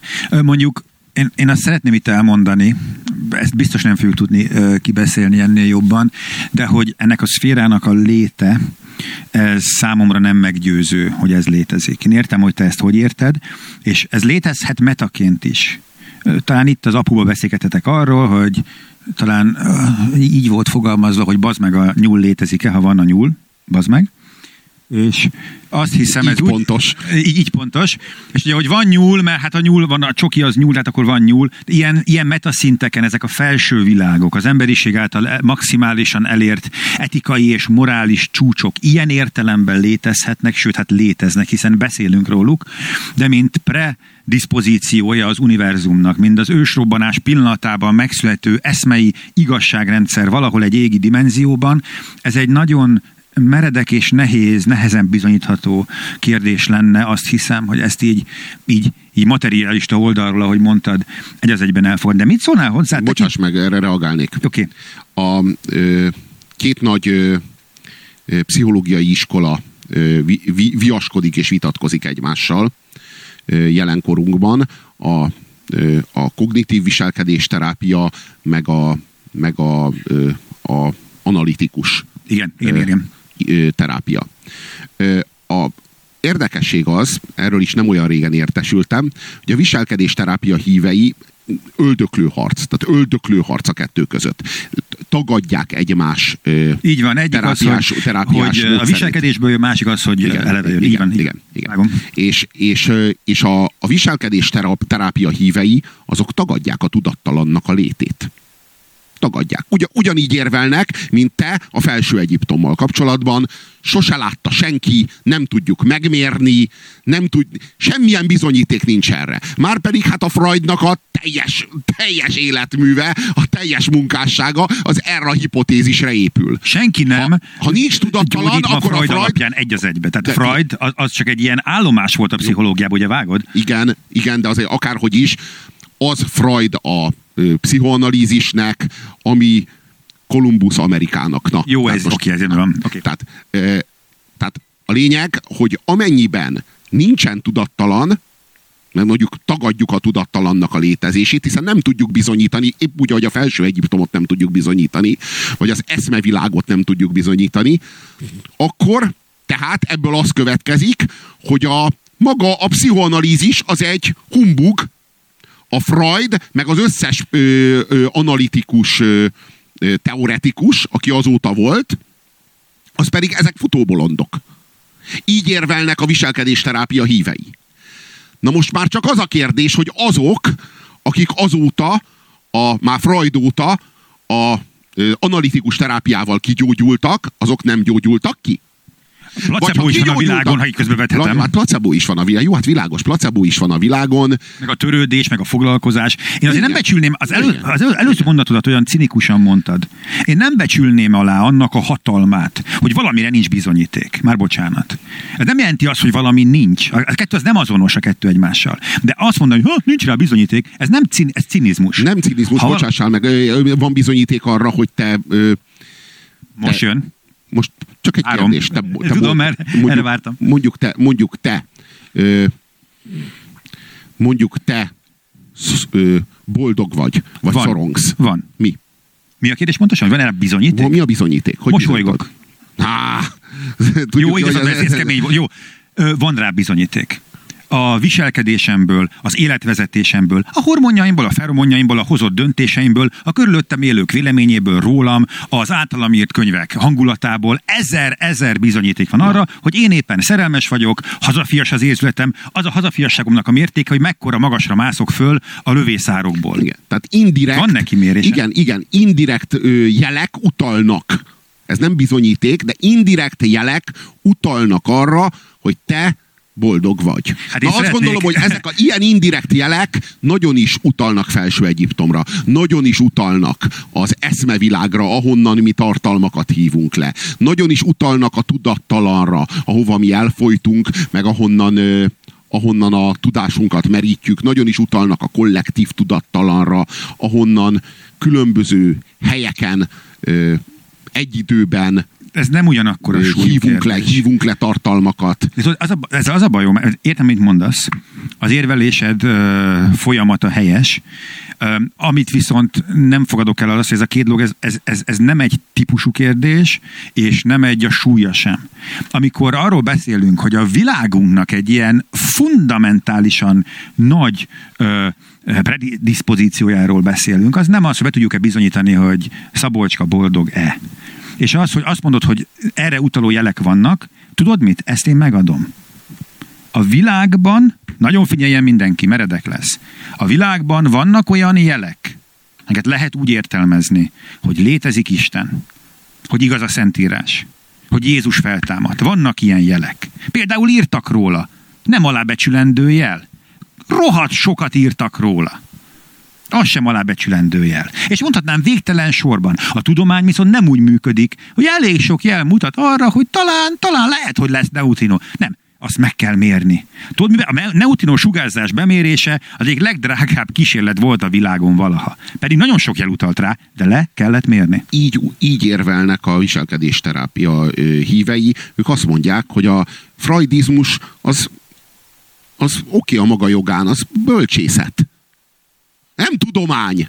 Mert ezt a tudattalant bocsássál meg, de nem tudjuk mérni. Utalnak rá jelek, pont úgy, mint az eszmevilágra, meg az igazság szférájára, ez bölcsészet. Egy fontos kultúra, meg egyáltalán nem kell elégetni a könyveket, meg egyáltalán nem kell a, a Freudnak az álomfejtését vel a cipődet kitömni.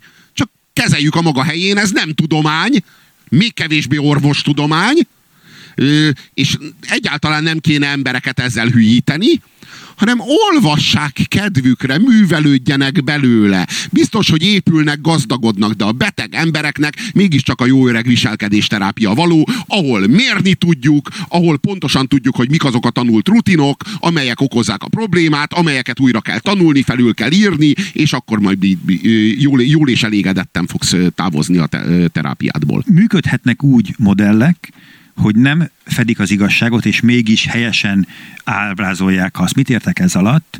Ugye tudjuk, hogy ha létezik Jézus, és létezik a Szentírás, és minden Istentől való, akkor eléggé kicsi az esélye, hogy a védikus tanok is igazak vele párhuzamosan egyszerre, hogy Jézusnak is voltak csakrái, csak éppen nem beszélt róluk, stb. És a csakrás, a csak, a, tehát Én, én most, a védi- most nem valaki mondom, mással nem kéne vitatkoznod, nem, nem, mert én nem gondolom így. Én úgy gondolom, hogy ezek, a, ezek az igazságok, ezek kiegészítik egymást, Jó, jó, és várjál, nem, ver, nem versengenek. Rendben van, mindjárt, mindjárt fog jutni a lényegére. Azt értem ez alatt, hogy amikor a csakrákról tanulsz, rengeteg nagyon-nagyon logikus dolgot ö, ö, ö, tanítanak ezekről. Hogyan kapcsolódnak egymásba az energiacsatornák, és, és amikor ezeket végig tanulod, akkor kiderül, hogy nagyon jó modellezik azt, ami valójában történik. Ez nem azt jelenti, hogy létezik a csi, nem azt jelenti, hogy létezik a csakra. Azt jelenti, hogy van egy jelenség, amit ők ezzel írnak le, ezzel a rendszerrel. Most Freudról azért ne kérdez engem, és most nem ilyen szerénység, meg álszerénység. Én nem vagyok pszichológus, meg pszichoterapeuta. Egy darab ilyen barátom van, aki ezzel foglalkozik, azzal se beszélgetek eleget. Úgyhogy én erre nem tudok ennél többet hivatkozni. De mit szólnál ahhoz, már bocsánat, így, így, így kezembe veszem az irányítást, mert hogy talán nincs nagyon sok időnk hátra, hogyha egy két szót vesztegetnénk a hatalom ö, gyakorlására, hogy mit gond, azt hiszem hasonló lesz a véleményünk, hogy mit gondolsz mondjuk ezekről a, hogy, hogy a politikában mennyi helye van ennek a vallásos kérdéseknek, hogy a, a, a, a, az ateizmusra, vagy a, a vallásokra felépített e, politikákról mit gondolsz. Ha másról szeretném beszélni, akkor elfordulom. Most egy kicsit olyan, olyan erőteljesen váltottam témát, meg az is lehet, hogy teljesen egyetértünk ezekbe. Én azt gondolom, hogy nagyjából mindegy, hogy, hogy egy politikus, tehát ma, ma azt gondolom, hogy nagyjából mindegy, hogy egy politikus hívő vagy, vagy nem hívő. Hogy azt gondolom, hogy nagyjából mindegy, hogy egy, egy ember hívő vagy nem hívő, ennek nincsen erkölcsi vonatkozása.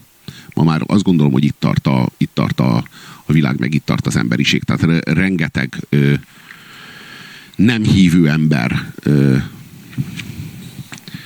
ö, erkölcsösebb, mint rengeteg hívő ember. És ez a rengeteg, ez már olyan rengeteg, hogy már ö, itt már nincs értelme a, a dolgot méricskélni. Nem, én egyáltalán nem merem kijelenteni, hogy egy hívő, már, már csak azért sem, mert ezt a dolgot sem lehet mérni. Mm. Hogy valaki hívő-e. Tudjuk, hogy a politikusok hogy működnek. Megméri, hogy ha hívő vagyok, hány százalékot kapok, ha nem vagyok hívő, hány százalékot kapok. Hát Amerika így működik, egyértelmű. De valaki követi az... az egész a, nyugati egy...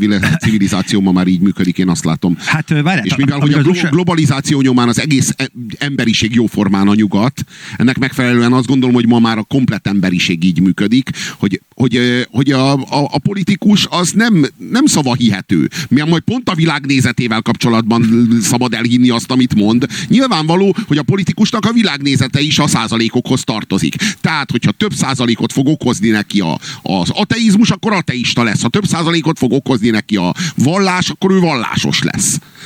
Ennek megfelelően én úgy gondolom, hogy nem is lehet tudni igazából, hogy vallásos vagy vallástalan, de ha lenne egy műszer amelyel ezt Aha. ki lehetne deríteni, hogy vallásos az illető-e vagy sem, ha tényleg létezne ilyen műszer, sem vagyok meggyőződve arról, sajnos, hogyha a vallásosra bízom az országomat, vagy a javaimat, vagy a sorsomat, akkor majd jobban jövök ki ebből a helyzetből, sajnos. Ezt kell, hogy mondjam. Volter még úgy fogalmazott, aki a le, egyik legnagyobb valláskritikus volt, emellett hívő volt, hogy ő, ha háztartási alkalmazottat vesz föl, ő hívőt szeretne felvenni, mert ott kevésbé fél, hogy el fogja lopni a, a, a dolgait.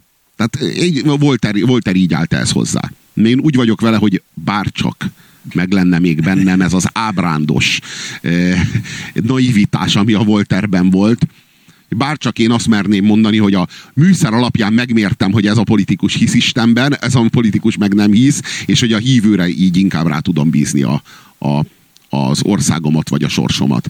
De a helyzet az, hogy ő a hívő, aki hisz, a, hisz az Istenben, majd nem hamisítja olyanná a hitet, a hitének a tárgyát, az Istenét, vagy az Istenének a, a erkölcsi ö, ö, parancsolatait, vagy az Istenének az erkölcsi megítélését, hogy visszaélhessen a hatalmával.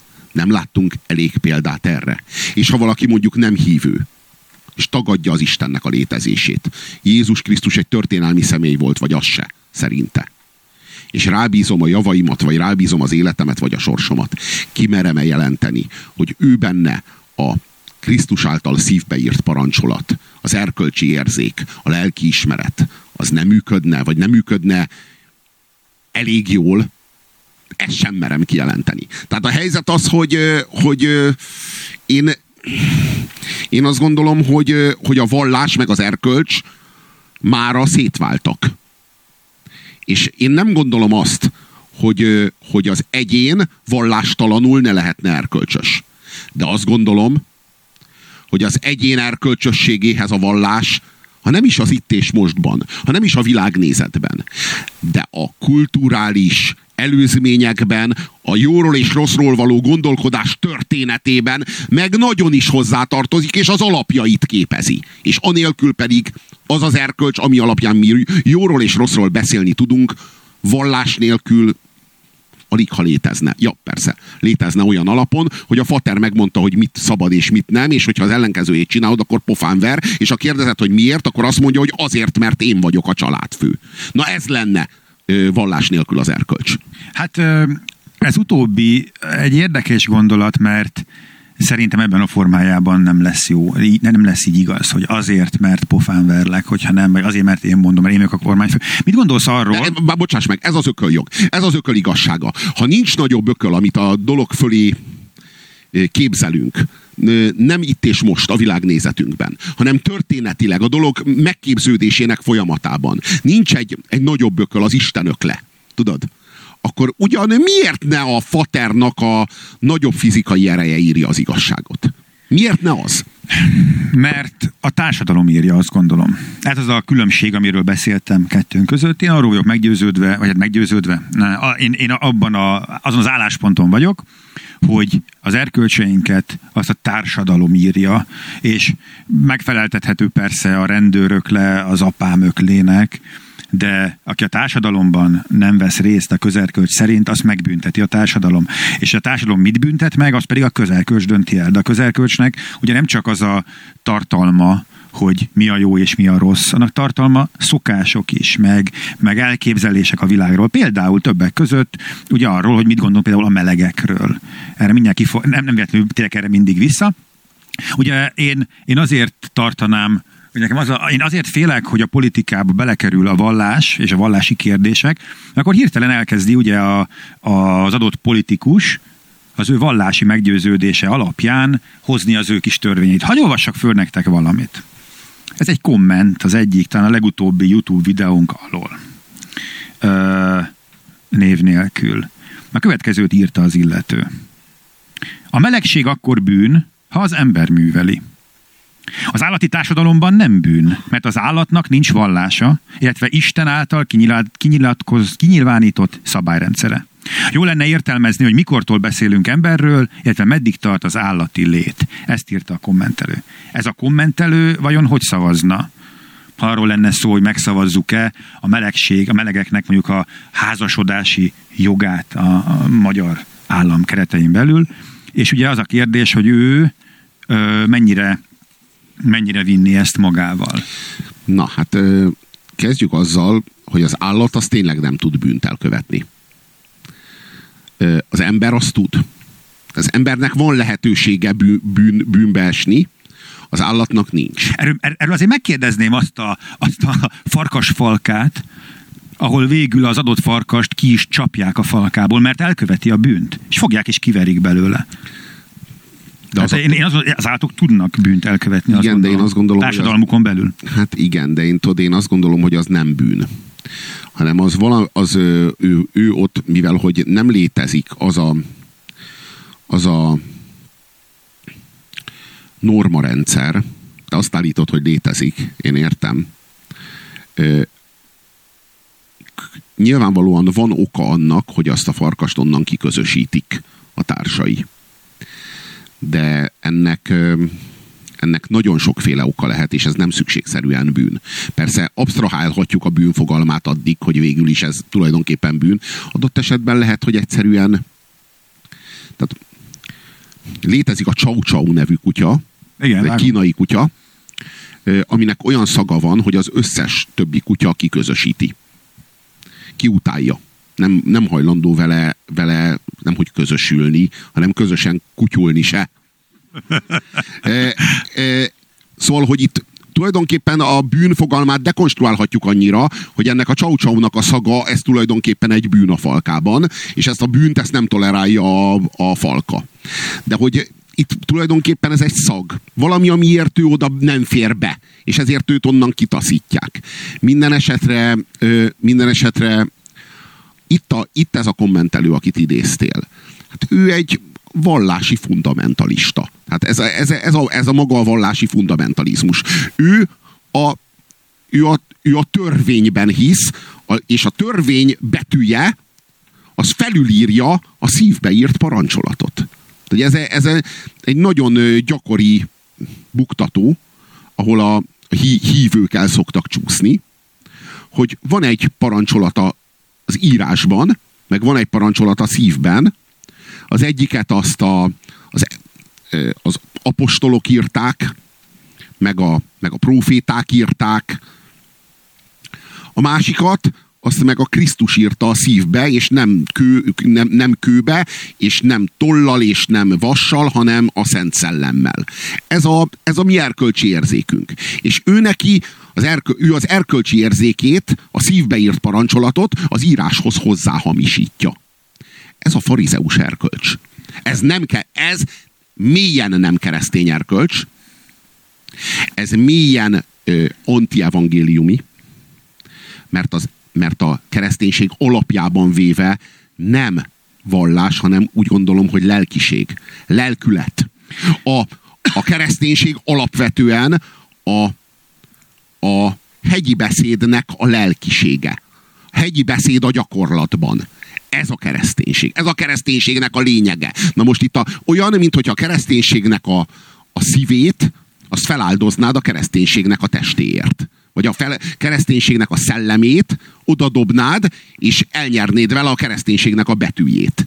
Hát ők a, a vallási fundamentalizmusuktól hajtva az írást, az írás szövegét arra használják, hogy tagadják az emberi önrendelkezést. Az ember jogát az önrendelkezéshez. Holott tudjuk, hogy az erkölcs alapja az az, hogy amivel te másnak nem ártasz, ahhoz neked jogod van, mert jogod van a saját testedhez. Ez, ez az erkölcs alapja. És ez, ez a szívbe írt parancsolatból bomlik ki. Én értem, hogy az írás ezt akkor azon a kulturális nívón nem, nem reprodukálhatta. Nem, nem, nem tudta elhordani. De az emberiség 2000 év alatt a szívbeírt parancsolatot követve, és a szívbeírt parancsolatot, vagy a szívbeírt törvényt egyfajta alkímiával megtisztítva, a, a, a lényegig, a, annak lényegéig hatolva, végül az embernek kétsége sincs a felől, hogy a szabadság az addig terjed jogosan, ameddig a másik ember szabadságát nem sérti? Um, két dolog. Az egyik, hogy ugye a beszédetből az hangzik, jól értem, ha nem, akkor kérek javíts ki, hogy tehát az előbb is, amit mondtam, hogy van egy általános felső objektív erkölcs, amit még a Biblia sem tudott lehozni jól. Tehát a Biblia konkrét isteni létét te sem ö, véded itt, ez az egyik gondolat. A másik viszont az, hogy talán együtt értünk abban, hogy hiányzik egy szó. Nem csak a magyar nyelvből, lehet, hogy mindegyik nyelvből. Ugye hivatalosan, ha megnézed az erkölcs szót, valószínűleg olyasmit fogsz találni, minden, mindenki eléggé küzdik azzal, hogy ennek megtalálja a valós jelentését, mit jelent az erkölcs, de általában ez inkább egy ilyen társadalomnak jellemző ilyen szokások és elvárások tömege. Valami ilyesmit fogsz ö, találni róla. Hát az erkölcs az az, amit ez a társadalom ebben a pillanatban helyesnek ítél meg, és ez folyamatosan változik. Ezzel szembe van állítva ez a kifejezés, hogy objektív erkölcs, vagy objektív moralitás, de erre valami külön szó kéne, valami isteni moralitás, amely független a társadalomtól. Ezt azért mondom így, mert ugye beszéltünk ma többször az erkölcs szóról, el kell fogadni, hogy a különböző népeknek különböző erkölcse van. Tehát lehetséges, lehetséges, ezt ilyen apostrofálva mondom, én a materialista, hogy létezik egy mindenkin és mindenki igazságán túlívelő, abszolút igazság. Egy abszolút morálisan helyes döntés, egy olyan etika, ami túlmutat minden, az univerzum saját etikája, de hogy ezt mindenki hibásan hozza le, ezt, ez lehetséges, hogy így van, de az tény, hogy amikor elkölcsről beszélünk, akkor szembe kerülünk azzal nagyon hamar, és ezt a nyugati társadalmak nagyon a saját bőrükön fogják megtapasztalni, hogy más népeknek más van a szívébe írva más vallásoknak mások az erkölcsei, és ezek, ezek lehetnek olyan alapvetően ellentétesek a mieinkkel, hogy azt még eh, nem is hiszi az ember. Azt, azt, azt gondoljuk, hogy abszolút egyértelmű, például, hogy ne ölj. Ez egy olyan, olyan dolog, ami nem is kérdés, hogy ez valaha lehet erkölcsös az, hogy ölj, vagy valami. De képzétek el, hogy ez, ez csak ránk jellemző. Ez a mi sajátunk, a nyugati kereszténységből eredő, ezt nem lehet eltagadni, hogy mondtuk is, kereszténységből eredő ö, a keresztény kultúr körből eredő ö, etikánk szerint ez így van, és mindannyian kimennénk az utcára karddal vagy fegyverrel a kezünkben, hogy ezt megvédjük. És ezt itt a teremben mindenki megtenné. De ez nem biztos, hogy másoknak is így van. Hát mert a, vi- a veszteség, az, amikor az igazságból a, a valóságba átültetjük a, az azt a tartalmat, no, kvázi a megnevezhetetlent normává tesszük, ez végtelenül hamisítható. Ez a helyzet. Végtelenül hamisítható. Hát le lehet képezni, de ebben a helyzetben az ember, aki ezt átülteti, ezt végtelenül tudja hamisítani és a saját képére formálni. Nem lehet nem észrevenni, hogy a mekkai Mohamed meg a medinai Mohamed, az nagyon Nem más, ugyanaz, nagyon pontosan. Másfajta, nagyon másfajta. És hogy a mekkai, mekkai, mekkai Mohamed ö, nek a, nek a, ö, a szövegeiben sokkal kevesebb a úgymond hatalmi logika, és ez egy a, a mekkai Mohamed hagyatéka az lehetett volna egy egy beavatott misztikusnak a szentírata, ami alapján egy a kereszténységnek meg a, meg a meg a mm, judaizmusnak a testvérvallása képződhetett volna meg. De a medinai Mohamed ebből képezett egy hát fú, akár úgy is tudok fogalmazni, hogy értem, megképezte, megképe, megképezte az első ö, totalitárius ideológiát. Azt gondolom, hogy ez, ez akár így is, így is megfogalmazható. É, Nagyon, nagyon különös, de, de, nagyon, de, de nagyon-nagyon megelőzte a, azokat a totalitárius ideológiákat, amikről itt és most beszéltünk.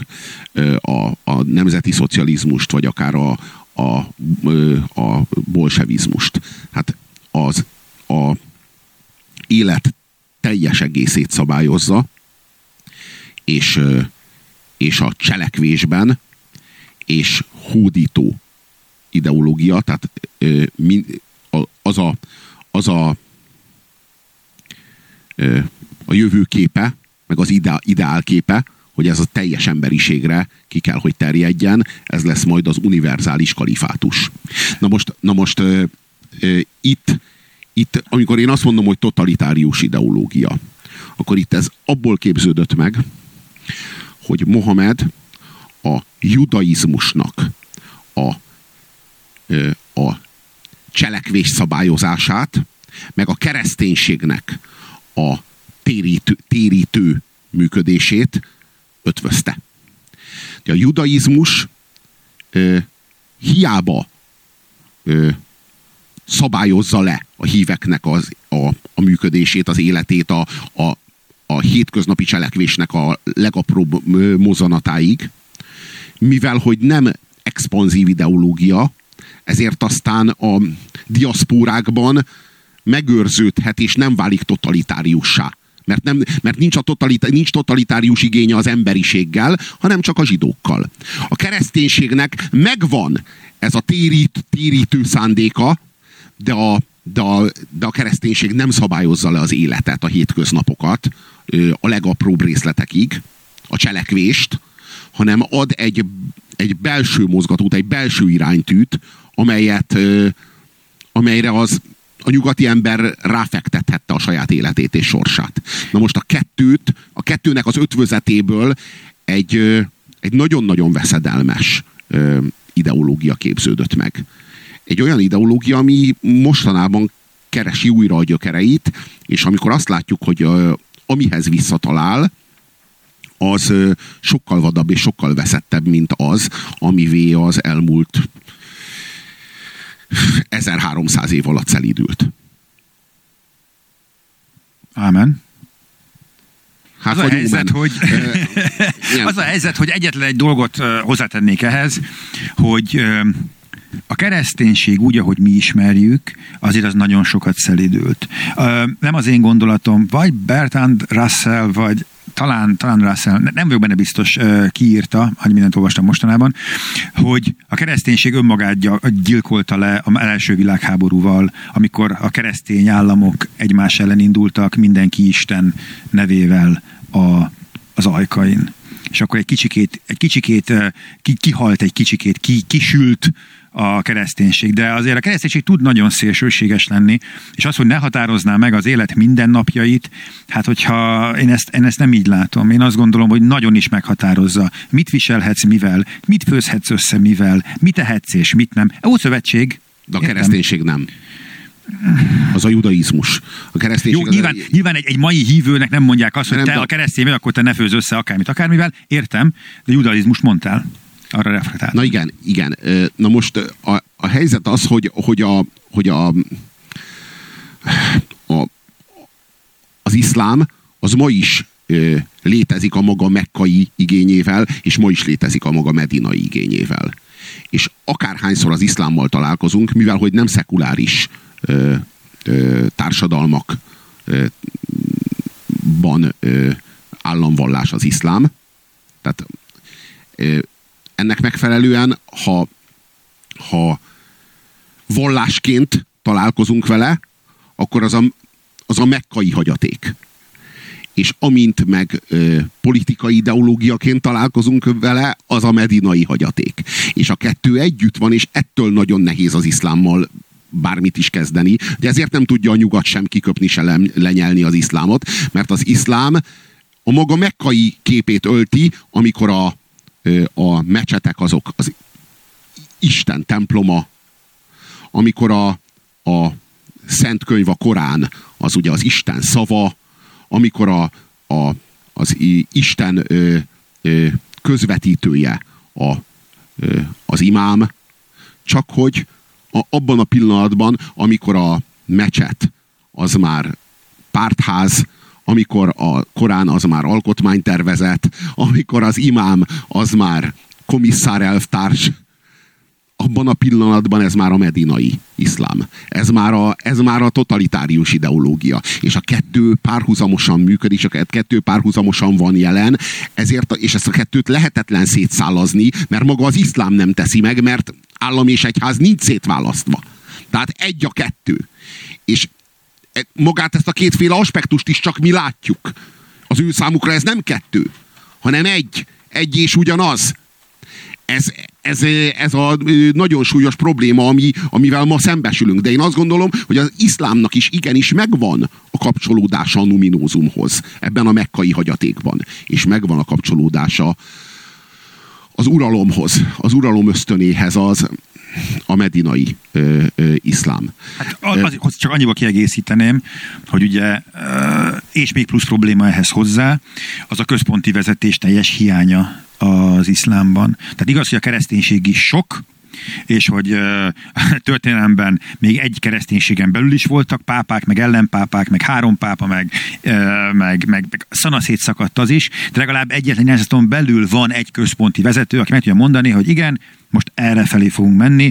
Amikor az ember az iszlámmal találkozik, akkor én úgy fogalmazok, hogy szinte mindig egyénnel találkozik. Mert minden egyén joga és kötelessége értelmezni és olvasni a Koránt, és ezért minden egyes alkalommal egyénekkel találkozok. Amikor keresztényel találkozol, akkor nem annyira az egyénnel találkozol, annak ellenére, hogy minden keresztények, azt hiszem, hogy a két keresztényt összezálsz, sem értenek egyet arról, hogy ők mit neveznek Istennek, mit fogadnak el, ahogy te is mondtad, egyik katolikus még elhiszi, hogy ö, Lázát föltámadt, a másik szerint már ö, csak legenda, de még úgy is, hogy mindenki ugyanabban a templomba jár, de az iszlám még ennél is szeg, szegregáltabb amiatt, hogy nincsen központi vezetése. Minden esetre, a, minden esetre én azt gondolom, hogy a, hogy a, a kapcsolódása minden vallásnak az a, a numinózumhoz megvan.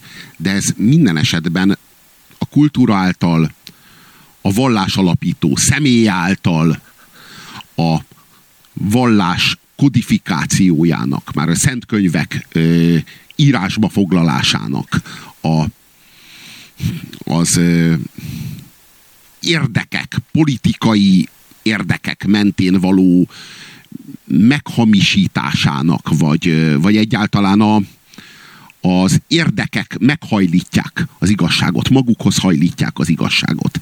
A, az igazság foglalata nem tud tiszta és veszteség nélküli maradni. Nem tud, nem tud nem tudja hordozni a, a, az igazságtartalmat, mert, mert írásba foglalták, mert könyv lett belőle, mert, mert, mert a nyelv magához rontotta, és mert az ember a nyelv által azt önmagához rontotta, és mert a politika és a hatalom azt az ember által és a nyelv által is a kodifikáció nyomán önmagához rontotta. Veszteség nélkül csak a lelkiség hordozza az igazságot. Az, a Jézus Krisztus, amikor az emberi szívbe írta a parancsolatot, az veszteség nélküli. Az veszteség nélküli. Amikor az ember ezt a parancsolatot, ezt a, a lelkiismeretét, vagy az erkölcsi érzékét, ez is egy jó kifejezés erre, úgy gondolom, ezt meghamisítja, érdekeihez hajlítja, az már az egyén művelete. Az már az egyénnek a, a romlottsága, és az egyén romlottságában az igazság is meg tud romlani az egyén lelkében, mert az ember mindig meghamisítja az érdekei mentén. De a forrás, a szívbe írt parancsolat akkor is mindig hozzáférhető, és a, és a rárakódott idegen anyag, a rárakódott érdek, a rárakódott ego, a rárakódott ö, ö, nem, nem isteni tanult ismeret, az mind-mind-mind le, lehántható róla az mind-mind-mind letisztítható róla, és, a, és az eredetihez, a, szí, a Krisztus által szívbeírt parancsolathoz, a jóról és rosszról való megfelebezhetetlen tudáshoz az ember újra meg újra hozzáférhet, mert az az emberi lélekben, vagy akkor fogalmazunk úgy, hogy az emberi tuda, fel, felettesénben ö, ott van. Ö, ennek, ennek a szerkezete az az emberben jelen van. A, az ideggyógyászat tükörneuronokról beszél. És amikor az ideggyógyászat tükörneuronokról beszél, akkor tulajdonképpen ugyanezt a jelenséget írja le.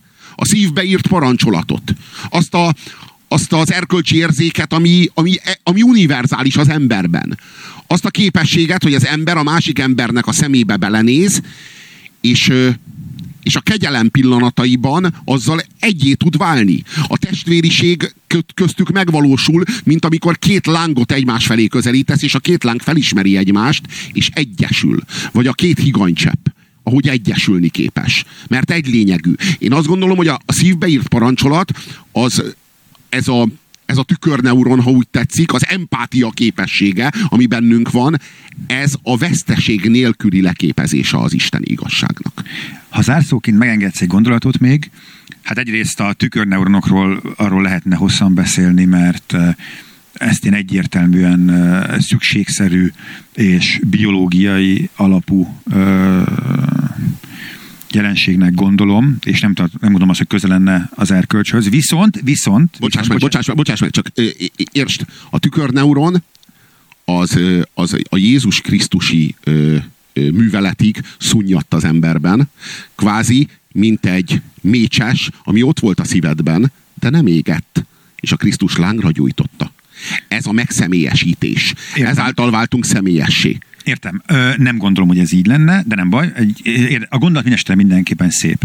Ami viszont az én utolsó gondolatom lenne az az, hogy azt mondtad, hogy az ember elkezdi az erkölcsöt használni, lehozni, akkor hogyan romlik, és hogyan szűrődik át az a saját gyengeség, és hogy ez egyre rosszabb. Hát szerintem ez nem ilyen egyszerű kérdés. Az etika ugyanis egy szükségszerűen egy aktív tudomány. Az etika az magába foglalja a szükségszerű és kötelező és folyamatos etikai értékítéletet, ami egy aktív folyamat, egy fejlődőképes folyamat, amiben újra és újra az életben talált helyzeteket értékeljük, és az etika alapján ö, döntéseket hozunk, és besoroljuk valahova. És ez, én azt gondolom, és ez az én érvem a mai napra, azt gondolom, hogy ez a társadalom, az emberi nemnek a sajátja és a csodája, de szükségszerű vele járója minden olyan biológiai lénynek, ezt gondolom, amelyik szeretne civilizációt alkotni. Biztos vagyok benne, hogyha létezik másik élet máshol, nem tudnak tükörneuronok nélkül, és nem tudnak etikai értékalkotás nélkül együtt élő civilizációt alkotni. Attól függetlenül, hogy találkoznak-e bármi nemű Istennel, vagy nem. Ez volt a negyedik számú hitvitánk. Én abban bízom, hogy, hogy lesz folytatás, és hogy ötötször is összemérjük majd a világnézetünket. Legyen így, köszönöm szépen. Nagyon köszönöm a figyelmet.